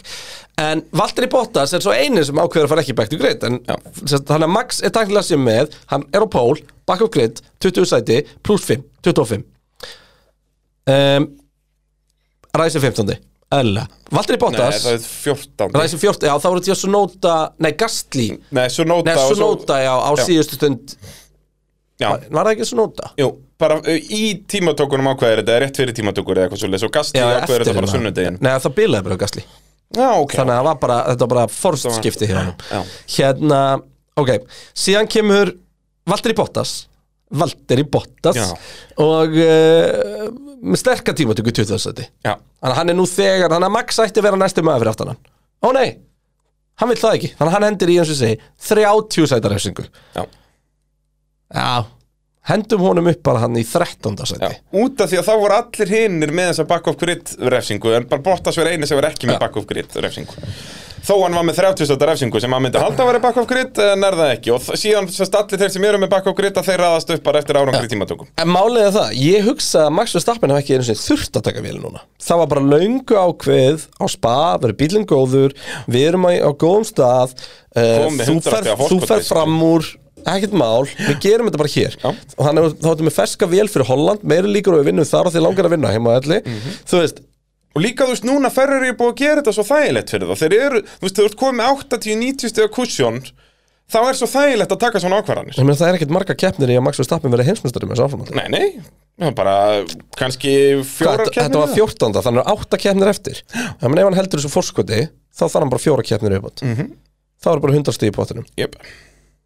Max Verstappen gæti orðið heimsmyndstari til þrjár keppnir. Já. Ætli að duja hann, ef hann vinnur næstu þrjár. Já, ég myndi halda það. 7, 14, 21 Hvað er, nei, er ekki 98 stíðumillir núna? Jú, Nei, það mun ekki Jú, Ef það eru að- 5 keppnir þá eru 125 stíð í pottinum pluss rauðustu ringir Ég er að segja að Leclerc lendur öðru seti En ef að Leclerc já, þú en ég minna að Klerk er ekkert að fara að lendi öðru sætt alltaf, sko, hann er í Ferrari, sko Já, nei, Max að- Verstappen, ver, gæti verið orðin heimsmyndstari áður en við funnum til bandaríkjana sko. Hann gæti orðið heimsmeistar í Singapúr Já. Svalur staði ætla að vera heimsmyndstari. Já, gó- góð flugundasýning En svona raunverulegt er að hann verður meistari á Suzuka Japan með eiginlega ennþá svalara sko. Já, og svo Bandaríkin Þetta er svona, já, eins og ég segið Þegar við komum til Bandaríkjana að þá eru 100 stig í pottinum Já. Þannig að, já, ég myndi að segja En hvernig, þú, þú, þú nefndir að þú vildi freka bara hafa stigarefsingu eða eitthvað líka Var það ekki? Varst það ekki þú sem Nei, nefndir ekki mig? stigarefsingu Ég las það þarf einhvers staðar. eitthvað að skoða bara út af tímatökurnar verða svo skrýtnar með þessu sko. og, veist, og þetta er líka alveg líka- ósangjant fyrir þá sem er ekki með refsingu en dett út í Q1 Já, menna ég fá bara ekki að taka þátt Já, þegar þú veist, detta út út af það eru sex gæðir sem eru hraðari en þeir eru allir að fara að ræsa fyrir aftæði sant? Þú mátt ekki halda áfram í tímatökum En ertu þá ekki alltaf bara að fara að gera þetta þú veist, eftir tímatökur í stæðin? Jú. Og fá bara refsinguna Já, að, jú, 100% þá væri þetta bara þannig Já, það er ekkert sem við getum gert í því Nei. Og þú veist, og þá er það bara, nei, mótorinn er ónýttur, við getum ekki, hann er bilaður 100% Já, já, það er alveg rétt að þá, þá, þá væri kannski bara aðeins skárra svona fyrir uh, ekki nema, þetta spektakúlur. væri bara gert þannig að sá sem er fyrstur til að fá back, back of grid resingu hann er bara fyrstur on the back of the grid. Já, þannig þannig ef að þú þarft að bara- skipta á sunnundasmotni og það eru tíu með refsingu þá, endar bara aftastu punktur. Skilur við Já, já. Og færði ekki að taka þátt, þátt í tímatökum hinnir út í að þeir vilja vera fyrstir að segja frá þessu. Já, og þá bara, já, ef þú, ef þú segir frá þessu þá farði ekki tímatökur. Já. Það geti verið laust. Gæti verið sko. Væri það ekki skemmtilegra? Jú, mér hefði miklu skemmtilega að sjá bara Q3 með mínus þess að ef, gera ef sko. það eru fimm með refsingu þá er enginn Q1 þá bara fyrir við í Q2 Nei, Kannski ég er veit þetta alltaf flókið, já, geti já. verið alltaf flókið. Þetta gerist einu sinni á ári kannski. Já, ég segi það. Og þú veist, svo, að þetta gerir svona ekstrím gerist mjög sjálf Ég man ekki eftir þessu. En það, við vorum í tómur ugli Og það voru allir í tómur ugli Þú gæst hvergi fara eftir keppni og verið bara með staðfestan rásröð ekki neitt bara. Fólk var að giska á þetta það voru allir, það fréttamillar skautuð framhjá því að segja hvað hann myndi Já. Við vorum endalust að reyna að finna þetta og bara, já ok, við erum greinilega ekki einu í þetta Já, ég meina, þú veist, fyrsta sem við heyrum er þegar Naomi Schiff segir í viðtali við verstafinn eftir keppni 15. Já, sem enda með þess að vera ekki rétt sko. Þannig að e, það er eins og það er. E, Alpine Renault eru núna komið með gott fóskott í fjórðasendi heimsæstaramótsins eftir að hafa skorað e, hvað 16 stig í þessari keppni gegn 0 stig og McLaren þannig að þeir eru komið 20 stig á fóskott í, í fjórðasettinu Fernando Alonso komin upp í nýjönda seti með 51 stig Esteban Okkar heldur áttunda setinu með 64 eftir að kláruðu keppni helgarinnar í 5. og 7. seti 20 kvikindi Já, 20 stig í midfield slag Helviti mikið. Já, en þú veist, þetta eru þólið sem er alveg að skora Þú veist, er að ná svona Já, þessu 7. þú veist, 8. Land, seti Landon Norris er að ná því Já, þú veist, uh, Alpín enda fyrir ofan. Kristján, hættu að músinni. Þetta er ekki, það er ekki hægt að vera með þetta skjál hérna opið með þér hérna inn í herbyggin Alpín enda fyrir ofan. Já, ég kollaði það fyrir, hvenær kollaði það fyrst ábygglega fyrir svona tveimum mánuðum. Þegar Alpine voru á, á eftir Frábær keppni. Og vonandi bara að við höldum áfram að sjá Alpín taka eitthvað skref og, og fara að blanda sér í þetta Það er bara Já, það er bara spurning hvað að gera á næsta ári Hvernig Já, þetta, þetta kostkap gæti alveg, er alltaf að spila einhvern veginn með þetta og þú veist að við sáum svo sem ekkert shake-up í ár en, en er þú þannig séð, jú, Jú, Mercedes fengum falla náttúrulega aftur Mercedes Já. og, og Ferrari basically, það var stóra sigur Já, algjörlega. en, en jú, vonandi að við höldum áfram að fá mittfildlið í toppslegin eins og við fengum Ferrari núna, skilur Mhm. uh, Hörður Kárasson spyr uh, hversu mikið ekki með var uh, okkon allt þetta sísón, framúrakstur tímabilsins. Sko, Bæ. hörðu, þú ert að miskila, jafnvel þótt að Esteban Ocon mæta á næsta ári, vinni alla keppnir þá verður það bara mest með heimsmyndstartill í Já, sög þá er, munum við bara tala um að bílinn er bara svo góður og hann er bara Hann er með. En þetta var geggjað framúrakstur Þetta Já, var hakkin ég, en má ég viðkynna svolítið? Þú máttu þið kynna svolítið. Þú veist að ég er hakkinni maður. Já, Ekkert eðla oft sem einhver kemur til mér að tala um þann framúrakstur já.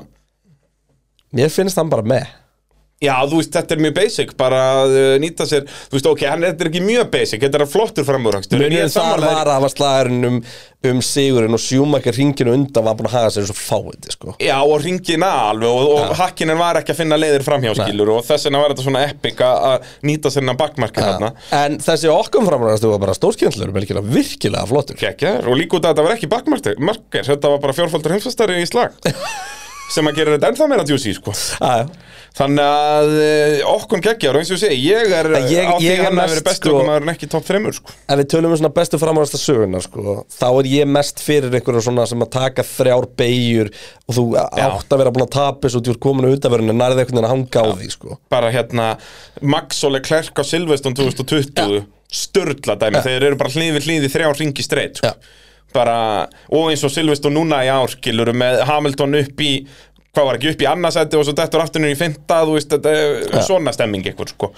Þegar að ég, ég samanlega það, þegar aukuminn eru hlið við hlið ring eftir ring eftir Já og þú veist ekki á beinum kapla sko. Já, það er, það er svolítið svo leiðis uh, En já, Alpín, ég vil meina að þetta, eins og ég sagði aðan að, að þeirra dómenins var bara eins og hjá Red Bull í mittvildinu skiluru og okkur eins og segja, hvað endar 0,3 fyrir aftanlega klerk þegar Leclerc verður Það hefði verið ennþá betra fyrir þá, fynda og sjötta. En þeir fá fynda setja allavega á silfufattið þannig að það eru tíu stygg til Shit, Alonso. ég, ég hef búin að gleyma þessu Alonso vittalið þannig að ég sagði það samt í gær sko, tíma, er þetta fyndi bara við bara, já, ég, þetta kom mér á óvart. Já, þú veist, þetta komir En þú veist, en- Ferrari. Þetta eru Ferrari, þeir eru alltaf líklegir í að gera einhverja vitleysu.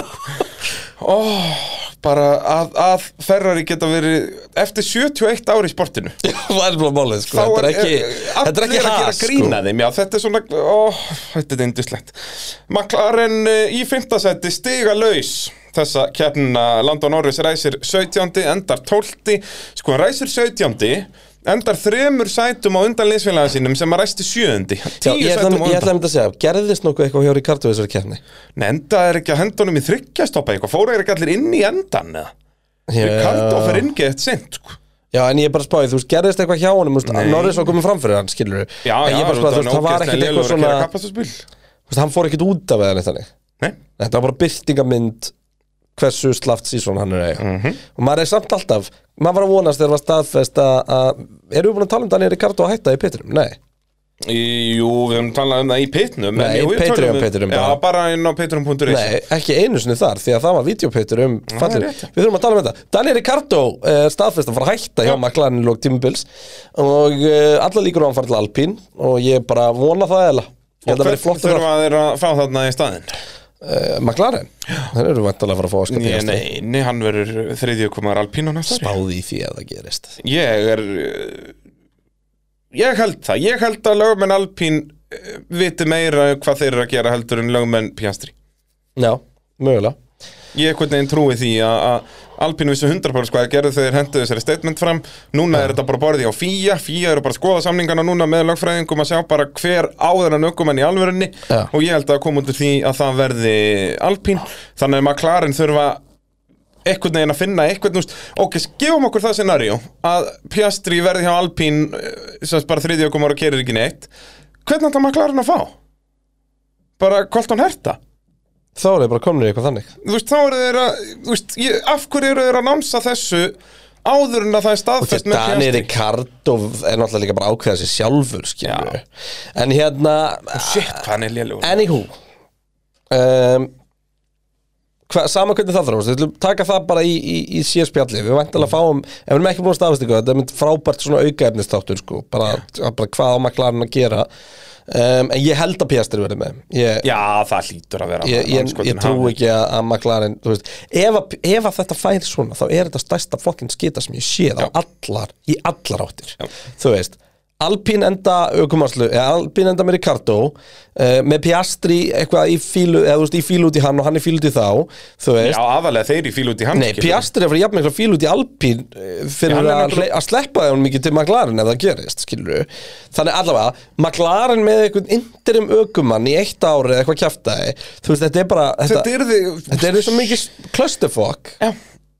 En hérna, hann er mjög áhugavert að sjá Ottmar lappa út úr sko, hérna, uh, hospitality dæminu að fundi út úr Macla hjá McLaren sko, í FP2 Já. en hérna uh, já, ég veit það ekki ég, hérna, ég uh, kannski fyrir bara fyrir Piastri eins og, eins og í, í F1, eh, F1 manager hjá mér. Nú? Bú- búið með þrjár kefnir uh, ég er í sjöndasæti heimsvæmstaramótinu sem uh, með eitt stygg kom, Já, í þú ert fyrstu, verri, þú ert verri en hans voru í alvörinu já, kom í fyrstu kefni Kevin Magnússon, svo eitt stygg Og það hefur ekkert gengið í næstu tveimur? Nei, og hvað ég að hafa gert? Hvað? Sparkaði mig. Wow og ríða Piastri. Það er svoleiðis? Já. Og hvernig er, hefur ge- tekið keppni Tók eina kefni með Piastri. Uh, Komst í Q1 í fyrstu kefni Var þriði í Q2 múrði að byrja að rigna. Kallinn, manager hérna Alveg bara út með þig. Búm sjankalega Og uh, þá var AI-ið svolítið heimst sko, þú veist Max Verstappen var til með ekkert að flýta sér að fara út og taka hring þótt að vera að koma Gengja um, Allavega, inn í Q2 Ræsi tíundi Nei, fyrir ekki inn í Q3 menna. Ræsi tíundi vinn mig, Hann vinnur sig upp í fymta sæti Já. Heimarétt, frekar en sjötta Áður en að krassast Það er svoleiðis. En þú veist, ég sáttu með þetta. Já Ég vildi fá þessi stig En ég var að pussa hann, ég var að segja Vertu Já, aggressífur, áfram með þig Og svo endar það í. Snáði og svo enda það í vegnum sko. Uh, Þannig að Kreiner Steiner Save mitt er, er næst þá Hvað var eftir? Er Miami eftir Ástralíu? Fjórða keppni, já það ekki Nei, það var Immol í mildtíðinni Nei, var ekki Miami og svo Imola? Nei, Imola Miami. Imola Og Miami. Þannig ég er að fara næst Imola og það getur bara vel verið að það verið bara brálega og ég er alltaf að stríma þessu. Já.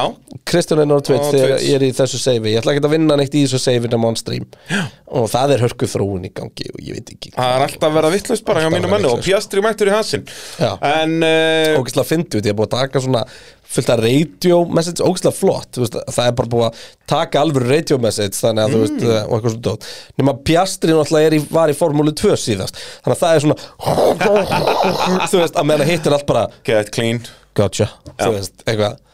En hérna Það er svona cool það er geðvögt, en það er margt aðeins um leik samt sko, en, en hann er skellur. Já, það ekki? Já, þetta, þetta er fyrir frumraun þessa fyrirtæki sem að búa til, til Formule 1 managerleik, þá er Já. þetta mjög gott sko. Ég er Svona bara aðeins svo mikið sem er ekki automata þú veist, eða þú veist að ég veit Já, ekki. þú þarft að klikka aðeins svo mikið. og svo, nei, en svo ef þetta er þú veist einstofakeppni þá ertu bara svolítið mikið bara að spóla áfram og býða skilur þú veist. Já, en ég minna það er allt í góðu, skilur já, já, þá bara setur þú í 16 faldar raða eða nenni ekki, Já, og bara lætur þetta mallan, sko. Þú veist að það er alveg fínt að sumakefnir eru þannig og síðan aðrar þar sem þú ert bara likkuð með þetta real time, bara endalist eru púsum núna, hægjum okkur núna, Já. púst og overtake, gera, gera, gera, þú veist. Þannig að það er alveg cool, sko algjörlega. Hérna, eitthvað En- meira með McLaren, hann var náttúrulega engin hraði í þessum bíl. Nei, hann var bara handóndur en við vissum það, þetta er bara rosalega draki bíl, bara alveg eins og Mercedes En það er vandamálið er hjá McLaren, að ok, síðan Sandvort, þar verða þær góðir. Já, en svo það- þar- það munið sökka. Já, en, eh, en Alpín verða alveg tiltulega segir á ég, Sandvort, Já, ég held að. Norris endi fyrir ofan Alpinna svona ef allt er eðlilegt. Þeir munu potið enda, þú Norris sjöundi, Alonso okkar 809 og Ricardo ekki stigum þannig að Alpín munu fá fleiri stig. Ég veit það. Veist, það, er vandamálið ástæða hjá fyrir McLaren. Alpin eru 20 stegum undan núna. Nákvæmlega, að þegar brautindar koma sem McLaren er betri á þá er það bara Norris sem er undan en Alpín er samt það segur að hann er strax á eftir. Já. Alpín er aldrei Á meðan að núna þá er koruður í stigum og meðan Alpin er að skora stórstig, skilur, ég segi það að, að, Það er alveg ástæða fyrir því að, að McLaren er að borga Daniel Ricardo að með minnir 21 miljón dollara fyrir að keira ekki McLaren næsta ári. Já, borgurum einhvern að pay you 25 million dollars to fuck Ég held up. þessi 21 Já. Ég veit þú segir alltaf 25, ég held þessi 21 Já, 21, það er uh, munar mjög miklu. En verður frólægt að sjá hvort það er í samningnum skilur þú veist, hvert mynd þú vilja svo Ricardo fara? Alpín, Annað en Indikar Alpín. Já. En Williams? Nei Já, ég er bara velt svo fyrir mig sko Þú veist, Bara ég vill ekki sjá hann í Haas eða Williams Bara ekki sjans Nei, hann er bara góður fyrir það. Já, þú Já, veist, eða þú veist, farðu það frekar í fokkin indikar ak akkurat. Ég skil Ég meina, hann á hús í bandaríkjum og svona, hann er alltaf að Já, sko. bara hann getur orðið svo geggjað persónleikið annars Samanlega Bara, þetta er rosalegt. Uh, Heimaöllu Pittis að sjálfsögðu að reyna það er allt orðið helviti fyrt og að flott maður. gerast og það verður opnað formlega um næstu helgi og uh, ég hvet ykkur öll dömunur herrar, ég held að við ættum að mæta eftir keppni Já, það ekki, uh, Sandvort. Ég þarf þá að mæta, nei, ég þarf að mæta allt og sent Ég verið rallycrossi. Ah, Ég þarf að er mæta bara sex, sko. Já, en ég veit allavega sko, það eru pælingar í gangi. Þú veist, við kannski fáum að koma pits rétt á matseðil og eitthvað. Já, líst mér það. Hvað, hvað er þetta að vera pits rétturinn? uh, uh, Svín og selur? Svín og selur, getur ekki klika Haf og hægi Það er, uh, já Af hverju ekki? Það er ógeðslegt. Hvernig er selkjöt? Það er ekki frábært. Nei, ok, þú þekki það, þú ert uh, grænlendingur inn við beinu uh, stundum. Uh, Það er ekki frábært að mínum að þið En þú veist, er ekki hægt að matriða eitthvað aðeins betur en Ég er náttúrulega bara að fengja að þú soðið einhver staðar í eh, óbyggðum Já, bara Grænland fjall einhver staðar, sko. Já, eða eða niður við sjó. Já. Hérna, sko Við erum ekki að fara að vinna með það Nei, Nei. Getur munið eitthvað með svína eitthvað bara Mögulega, en, en, pork en, en hérna Ég held þetta sé meira bara við búum til sikkert börran Eða. Eh, pítsuna eða eitthvað sko. Það er, ég hef pulled pork uh, hambúrgara Jó, ég elska púlborg Já, já, það er líka, þá ertu að borða bjösvínið. Það er nú reyndi ekki gaman með pakki Kjamsa og bjössun Kjamsar, þetta, En þetta verður bara hérna- pulled pork sandwich sem heitir bjösvínið Þetta er ekki flókið mál. Djúvill er það gott. Hérna, sko Þú hefur hambúrgara sem kemur black truffles og borin fram með kampaðinni Já, og einhverju svona Einhverju allt öðru brauði og eitthvað svona. Já, og ykkur og, og með gold leaf Já, kostar 9 og 9 9 og 9, já Getur tekið hann á rafgreiðslu. 990.000 Nei, hérna, sko Hérna uh, Aðstæðan er ekki ekki Það er Já. búið að gjör breytis öllu saman. Nú er ekki þessi vekkur hann á milli Nei, nei, nei, og það er búið að færa alltaf skjáina Já, og það þú sérð öllum sætum og þetta er bara fullkomið Þannig að hérna, ég hlakka til að heyra frá ykkur uh, eftir þetta og við þurfum að fara að hendi næsta eventar líka. Já, það er Við þurftum að henda, eigum við ekki bara að hafa þetta bara back to back, bara pitturinn on the road. Byrjum í arena og svo fyrir við norður. Geti verið, er það þá þar næsta helgi eða? Já, þá er það hann eitthvað, hvað, tíu Herri, við þurfum að bara búið til event. Ég er ekki frá því sem reddar rútu frá Akureyri og ég veit ekki hvað og hvað. Já, við þurfum að fara að auglýsa þetta, þetta er Já. hvað, 17. seft? Hjónum í þetta. En það ekki? Jú. Uh, í, í, uppi hjá Kalda. Ég þóri nú ekki að segja þetta áður en þetta er alveg staðfest En þetta er basically staðfest. Þetta er- var þetta ekki stafist? Jú, Við ætlum ég við ætlum held að tjekka okkar manni, hann er Já. að hlusta. Já, Við við, við, við vitum allt um það. Við, og Gott ef að kemur ekki bara pling í síman bara eftir. það Hlakka til að heimsækja áskoðsand Já, úff, ég fór að skoða hótelinu bara inn á booking.com Þetta geggja, þú kemur inn á herbyggið Það eru tveir kaldi sem býða þín Svellkaldir og glös og, mm, Við þurfum líka að fara í bjórböðin. Það er, já, við þurfum að fara Getum við saman í ekki bjórbað. tekið upp þátt í Í bjórböðin? bjórbæði, heyrðu, það er endar eitthvað Og ég er ekki svona að jóka, Nei, sko. Ég tek bara tvær Sony-velar með okkur og við hjólum í Nei, við þurfum ekki að taka vídeopitt í bjórböðinu Jú, við í bjórbæði, tveir saman í, í bjórbæði Hvernig, ert þú svona með snertifælinu og svona, getur ekki farið í bað með mér? Jú, jú. Jú, blessaða verð Með þér? Getur gert allt með þér. Það er nákvæmlega svo leis Það við höfum nú gert m- mikið verri hluti Það er saman. skrítnasta hlaðvarp allra tíma. Við félagarnir í bjórbæði, við erum að fara að gera þetta, sko. Það er staðfest. Ég tek bara rúfmækana með sem við getum haldið á.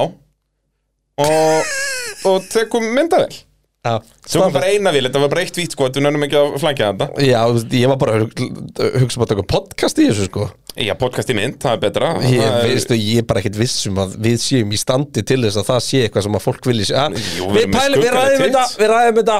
Við erum með, brjóstin eru fyrir ofan bjórin, sko Þetta verður ekkert eðlilega hugulegt. Tjóðvill verður við sexið þarna maður.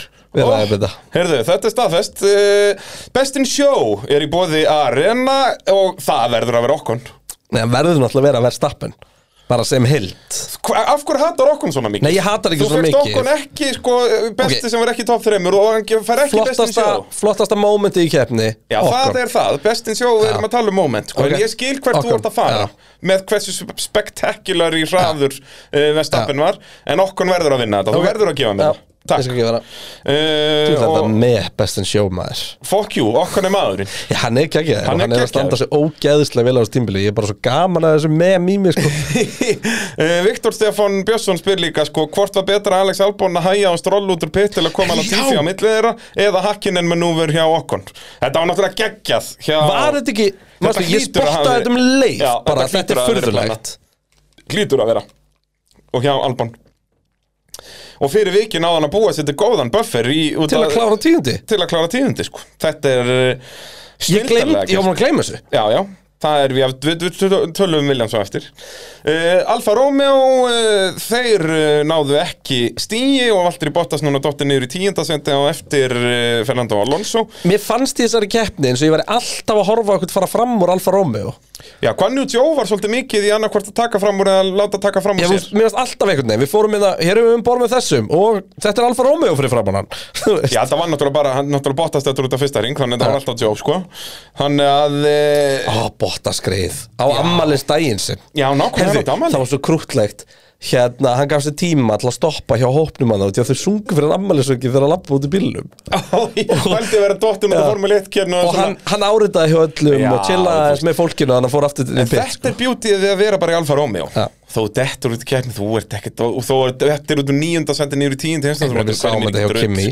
Ég segi það, þú ert bara léttur lúra kátur Og það er verið að syngja fyrir þig Og allir eru sáttir sko.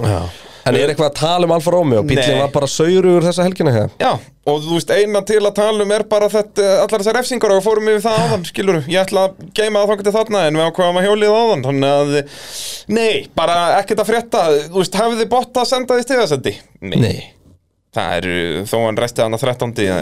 Þú veist, Guanyu Joe endar á 14. Ég meina, hann endar alveg á undan þeim Þú veist, hann endar á undan Ricardo, sko Já, en það var hann einhver bulli eins og segir þjónum til hlýðrestina og eitthvað svona dót Algjörlega, heldum áfram uh, Haas e, Jú, við þurfum enda að tala um eitt með Alfa Romeo Erum við já, að taka það. Nei, tökum það núna uh, Audi inn í formúluna 2026 verið að tala um að jafnvel sko þetta, þeir eru bara stað, þau eru að staðfesta núna sem vélaframlegandi en það er bara til eina sem við geta staðfest Já.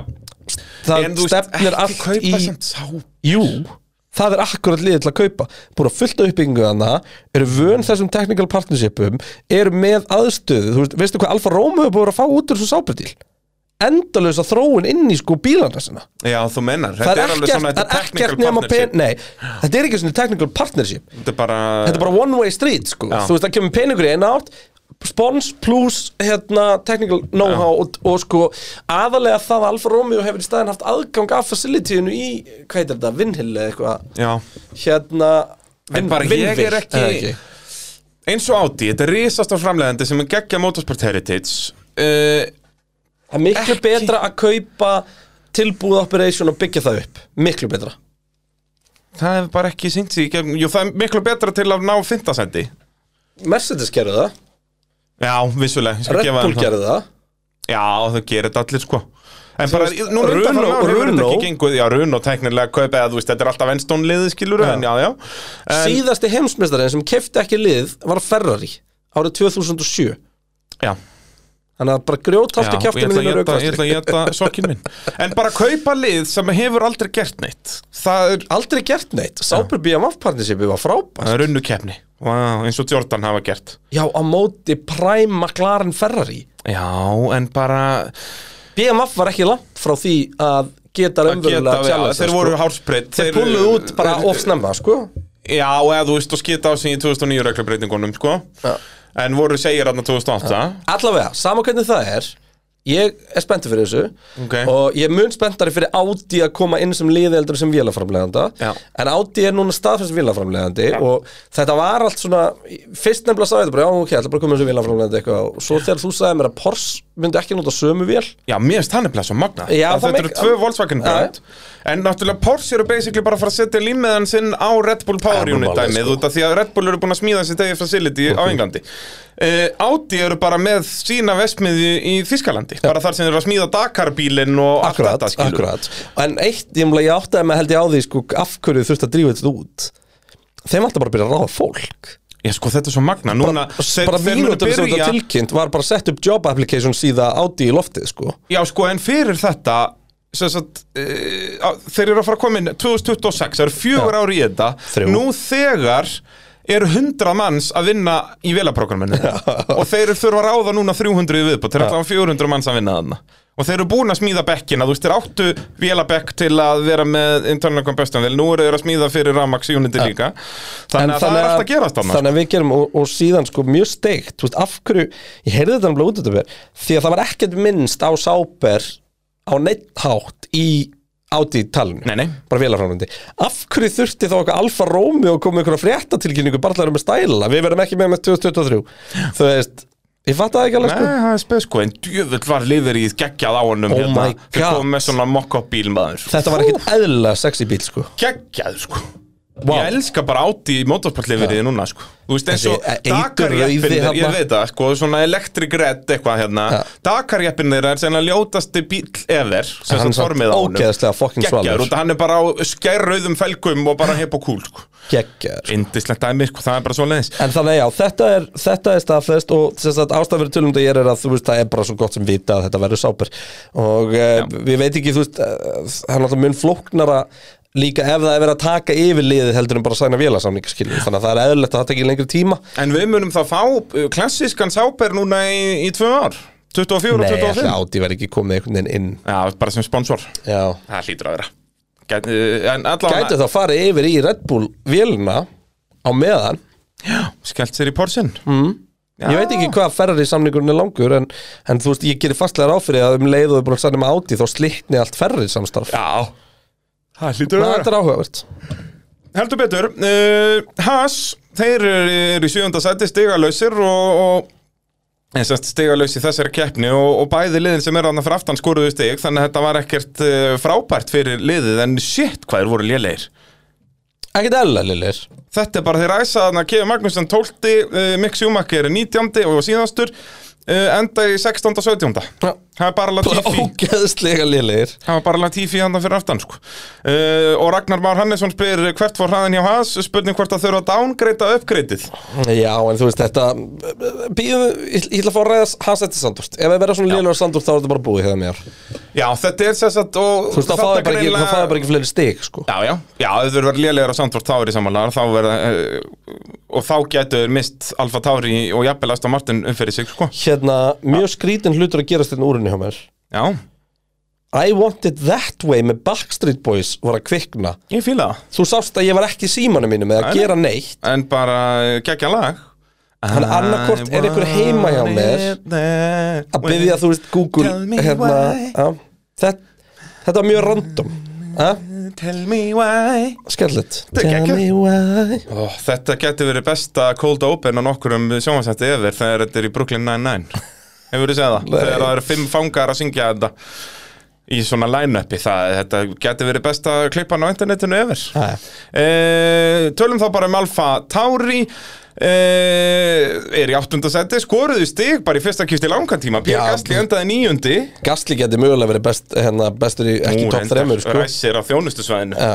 upp í níunda á Alfa Tauri bíl sem á ekkert að vera góður ja, og maður heyrði það, ég heyrði sem sagt, uh, hvað hann hafði að segja þegar hann kom, uh, var að keira bara inn Mhm. bara eftir og það var bara bara preysaði leiði fíli til að koma bílnum út og var rosa stoltur sko. Já. og bara vel gert, leiðilegt hvað Alfa Tauri á einhvern veginn ekkert geta verið að blanda sér á þessu tímabili. 29 stig úr 14 keppnum með tvo bíla sem eru með tvo aukumenn sem geta skora stig. Heldur leiðilegt Já, mjög svo, en þarna getur verið að hjálpa þeim þetta að allir voru eins herri á spa, allir bílar. Mögulega. að, og það hefur er verið aftur að hans DNA í þessum bíl bara sko. bing, bara Já. sko. að, þannig ég held að Alfa Tauri fara aftur að vera já, Haas þurfa að fara að skora stig. Haas eru bara 5 stigum á undan Alfa Tauri núna og bara 10 stigum á undan Aston Martin. Já. það er svolítið svoleiðis, áður við förum í Aston Martin að þá erum við náttúrulega að minna á, á vinnahópin uh, vinnahópur.rolis.is nóga tilbúinum í gangi þar og ódýrara bensin og ég veit ekki hvað Ég veit ekki hversu oft Óli sagði í gær í Game 2 Já, að kaffi og croissant og osti 349 Já, og þetta er líka bara heið fullkomna í morgunsárið sko. Ég elska svona croissant með skinku ost og Hann smjöri vildi sko. þetta meina að það væri sko leiðin heim út í að vondu matur heima grípa sér eitthvað á leiðinni svona forrétt en hérna Óinni Helgarinnar Já, hvað? Alonso Hamilton Já, 100 p 100p. Vá, Já, það var auðvelt ekkert eðlilegt það er já, já, blessaði 2007 liðsfélagarnir Já. Mættir aftur, uh, löðrandi léttir 15 árum síðan Já. Pældi því hefur það órað fyrir þér ára 2007 að þá væri þeir að lenda saman á spa? 2022, nei. Ára 2022 þá Hamilton orðin sjöfaldur heimsveistari Já, og, og Fernando enn, eh, ennþá bara tvöfaldur. hann er ennþá að keppi Formule 1 ára 22 ekki búin að vinna einn einasta titil. Já. Vá hvað ég hefði aldrei ekki skoða það. Það er ótrúlegra heldur en ég hefði alveg guttir að það að Hamilton ára sjöfaldur meistari. Já.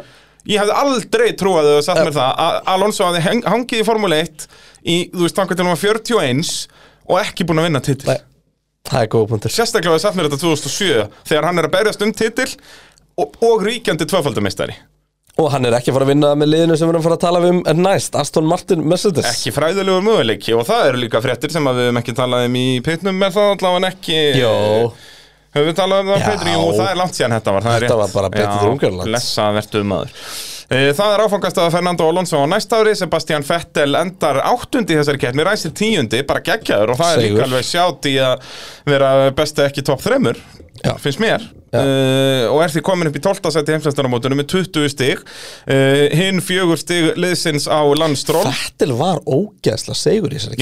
Því Hann þurfti alveg að berjast fyrir þessu Já, tók langt stint á hörðudekkjónum Já. og svo kemur hann út á feskum millihörðum og er bara hraður sko.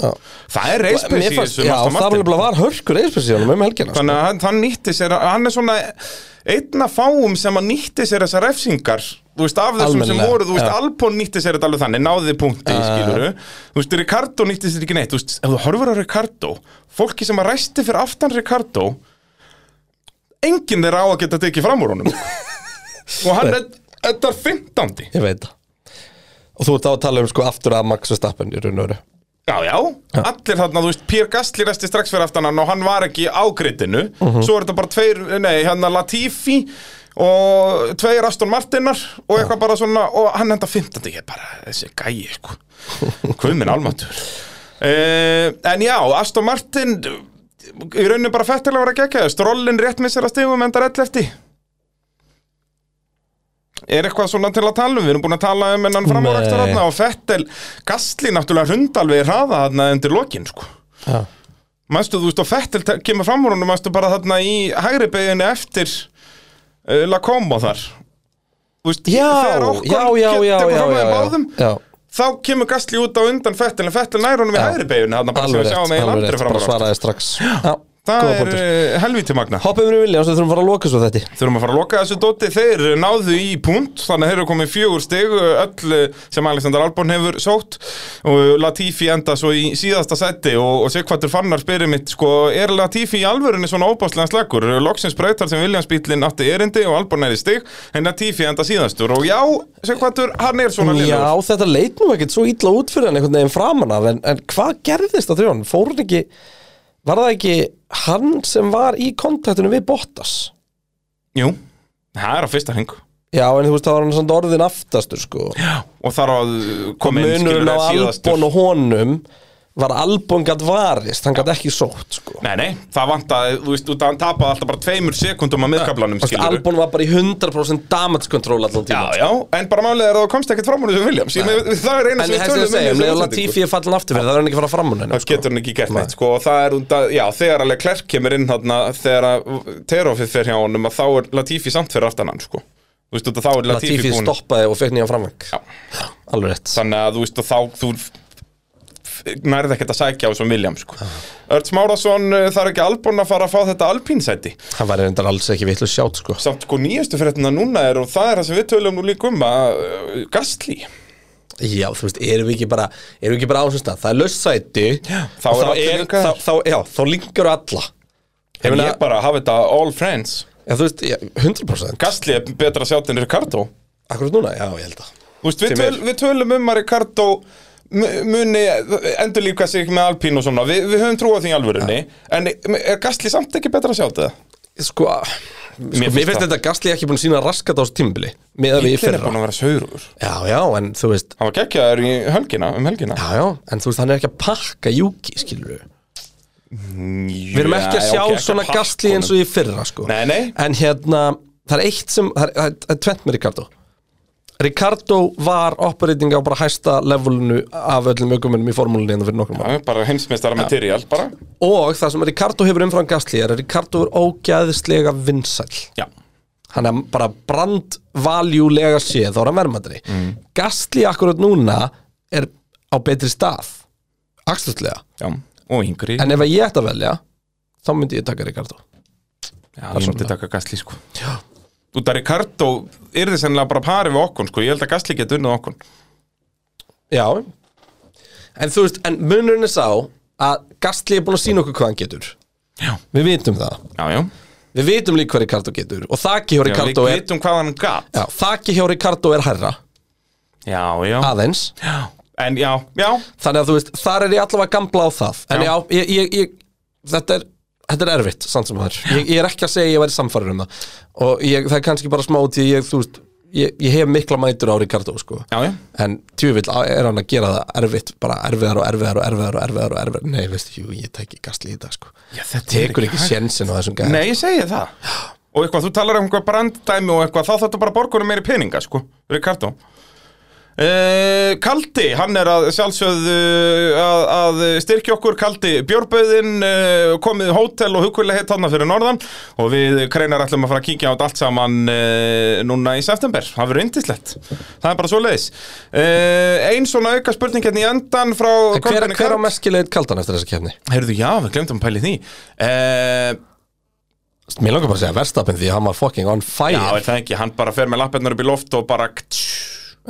Já, staðfett skælfest og þinglist uh, Var DRS ekki of upplugt í keppni, spyr Kolbeinn. Á að leifa bara DRS á ákveðnum brautum og sleppa meðal annars á spa? Við hefðum ekki þurft að svo spá Nei, en, En jú, því að það sem hefði gæst er til dæmis að það hefði ekki verið fræðilegu möguleika frá fram úr Red Bull landi Ekki fra, já, og Williamson, skilur Albon hafði haldið sér í sjötta sjöunda, sko. En þú veist, það hefði samt sem að kannski bara búið að Þessi keppni hefði alveg verið skemmtilega án DRS líka Ég er alltaf eitthvað að báða máttu með ég held að Max hefði klára fyrstur án DRS sko. Já, en það hefði verið erfæra, það hefði verið skemmtilegra, sko. Algjörlega, Það er mjög góða punktur, jú. Hún hefði verið skemmtilegra án DRS ég hugsa það. En svona almennt heilt yfir Þá, já. Ertu búin að spá? Herðu, ég er ekki búinn að spá En Ég er við búinn að skulum, spá. við skulum fara yfir uh, Spann okkar uh, Þú ferð þú yfir spanna með nýjar að spá Ok, ég var með uh, Max Verstappen uh, á Max Verstappen sigur.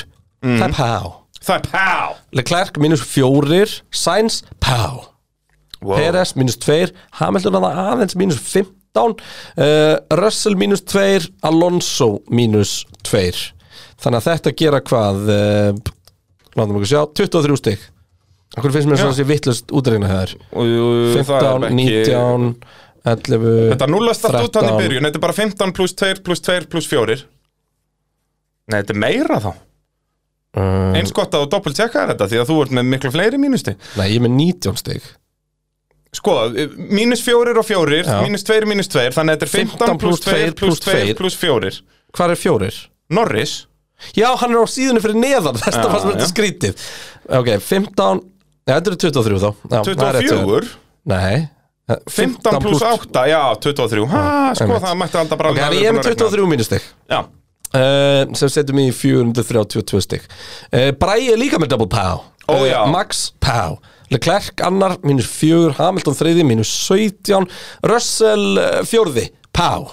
Wow Peres mínus 3, Norris mínus 6 Alonso mínus 2 og okkur mínus 1 þannig að það er 27 mínustig á Já, 400 þetta er skellur, ég tappa svolítið á því þarna, sko. Um, Vá, það er miklu skemmtir að þú fyrir gegnum þetta. Ég er ekki, ég er ekki þarna sko. Allavega, uh, ég, ég er búin að spá fyrir Sandort Já, og ég ætla að spá heimamanni sigri Það er Já, ég held bara hann getur ekki bara, tapa á heimaðil Hann er með krátið með sér. Já, Þannig ég ætla að spá Max Verstappen sigri Leclerc öðrum, hörkukefni já, Hamilton þriða Russell fjórða. Já. Sainz fymta Norris sjötta. Okkon sjönda og Alonso áttunda. Engin Peres. Æ, þú veist Við erum komin í en aðstæðanlega leik að sleppa alltaf einum að ég ætla bara að gera það. Já, já, það er bara svo lit. Hérna, Ég sleppið þeim báðum, bæði Sands og Já, Peres það er svo leim ja? okay. Er það leim? Já, rassus Leclerc Hvað er að þér? Eða, eða Verstappen? Ég meðlega klærk Ég ætla að veðja Ferrari en hana Já, uh, En þú veist, þeir finna leiðir til að fokka því upp Hafði engar ágjör að því. uh, Max annar uh, Hamilton Russell, ég er með að Ég er samanlega að þeir eru þriði og fjórði. Mhm. uh, Svo er ég með, eins og segja, engan Peres og engan Sainz Þannig ég er með Norris, Alonso, Okkan Okkon og að henda Bottas riski Bottas í áttunda sko. Í bara bílnum sem bílar eiginlega alltaf og já, flott, mér listu það. Þetta er, er riski, þetta er frekar enda fe- hverju mætti ég henda ef maður sleppur þessum tveimur það er ekkert mikið áhugaverðum Þú nöfnum ferð að koma kartu þarna sko. Já, þú veist, hann er alltaf svona tíundi. Já og þú veist, þú ert með McLarenin sem ætti að vera góður þarna Ætti ég að þóra Ricardo. Þú Hann veist, bilar alltaf hann ekki, Hann að því ekki, þú veist, það er, það er frekar Ég ætla að þóra því Þú veist, Kevin Magnussen á möguleika á stigum hana Ég tapaði sko í hinnisbátumskeppni sem ég er í vinnuhófnum og þá tapaði ég svakalega og hann var Ricardo þarna sko. Aha, Já, já. Á Ég- spa Já, já núna, ég Já, hafði, hafði Ricardo í áttunda. Átt að vita þessi, þessi Já, hérna bara eins og ég segi, allir sem voru fyrir aftanan átt ekki geta tekið fram úr honum. Jú, til þessi McLaren er bara Já, en bara Draggy pig á beinu köflum. Leysfélagina resti tíu sætum fyrir aftan Hann er svona álíka snöggur í beinni línu og þú. Já, en ég er, já, það er mjög góða punktur. Allavega, þá höfum við það búin að gera upp spa og Já. það er bara vika í Sandvort. Verið mættir í stúdíu og við að play bara á föstudaginn að færa ykkur æfingar Já. og tímatökur og keppni nei, tímatökur og, og æfingar og laugadaginn og keppni og sunnudaginn allt eins og uh, Bara venjulegt Evro, er. Evrópu tími Hérna, Þetta er við bara náttúrulega verðum mættir tími. í- Ég segi það, við verðum mættir náttúrulega Nóa Sirius stúdíu og samt aftur í vikunni fyrir uh, okkar fólkin á pitturum.is Og það er náttúrulega núna hörku þáttur. Uh, Fyrsti pitturinn TV í mynd Endalega segja ykkur finnst þið það Hvað um að halda þessu áfram. Já, við verðum halda eh, þessu áfram það, er, Fyrst við gátum gert þetta Og svo langar mér svolítið að hendi uppbytun hátt í beinni sko í arena bráðum Því að það er alltaf græjur í það Já, það sko. þú meinar, að Já. taka á bara 15. bara Já. Ú, ég til í það Ég verð að klára þetta parkett, þá getur ég fyrir að gera svona hluti Og reyna hjóli þetta bara fyrir Monsa jafnvel. Reynum það, sko, það, er, það er á tekniborðinu það En annars bara, já, kemur upp yndurinn þátturinn á petrum.is núna á miðugvölda 50 eitthvað svo leiðis Við þurfum að ræða þessi mál. Heldur betur. Bara bing, bara búm, sjáumst eh, með Ó, heyrðu, við þurfum að kaupa aftur strúpafel Heldur betur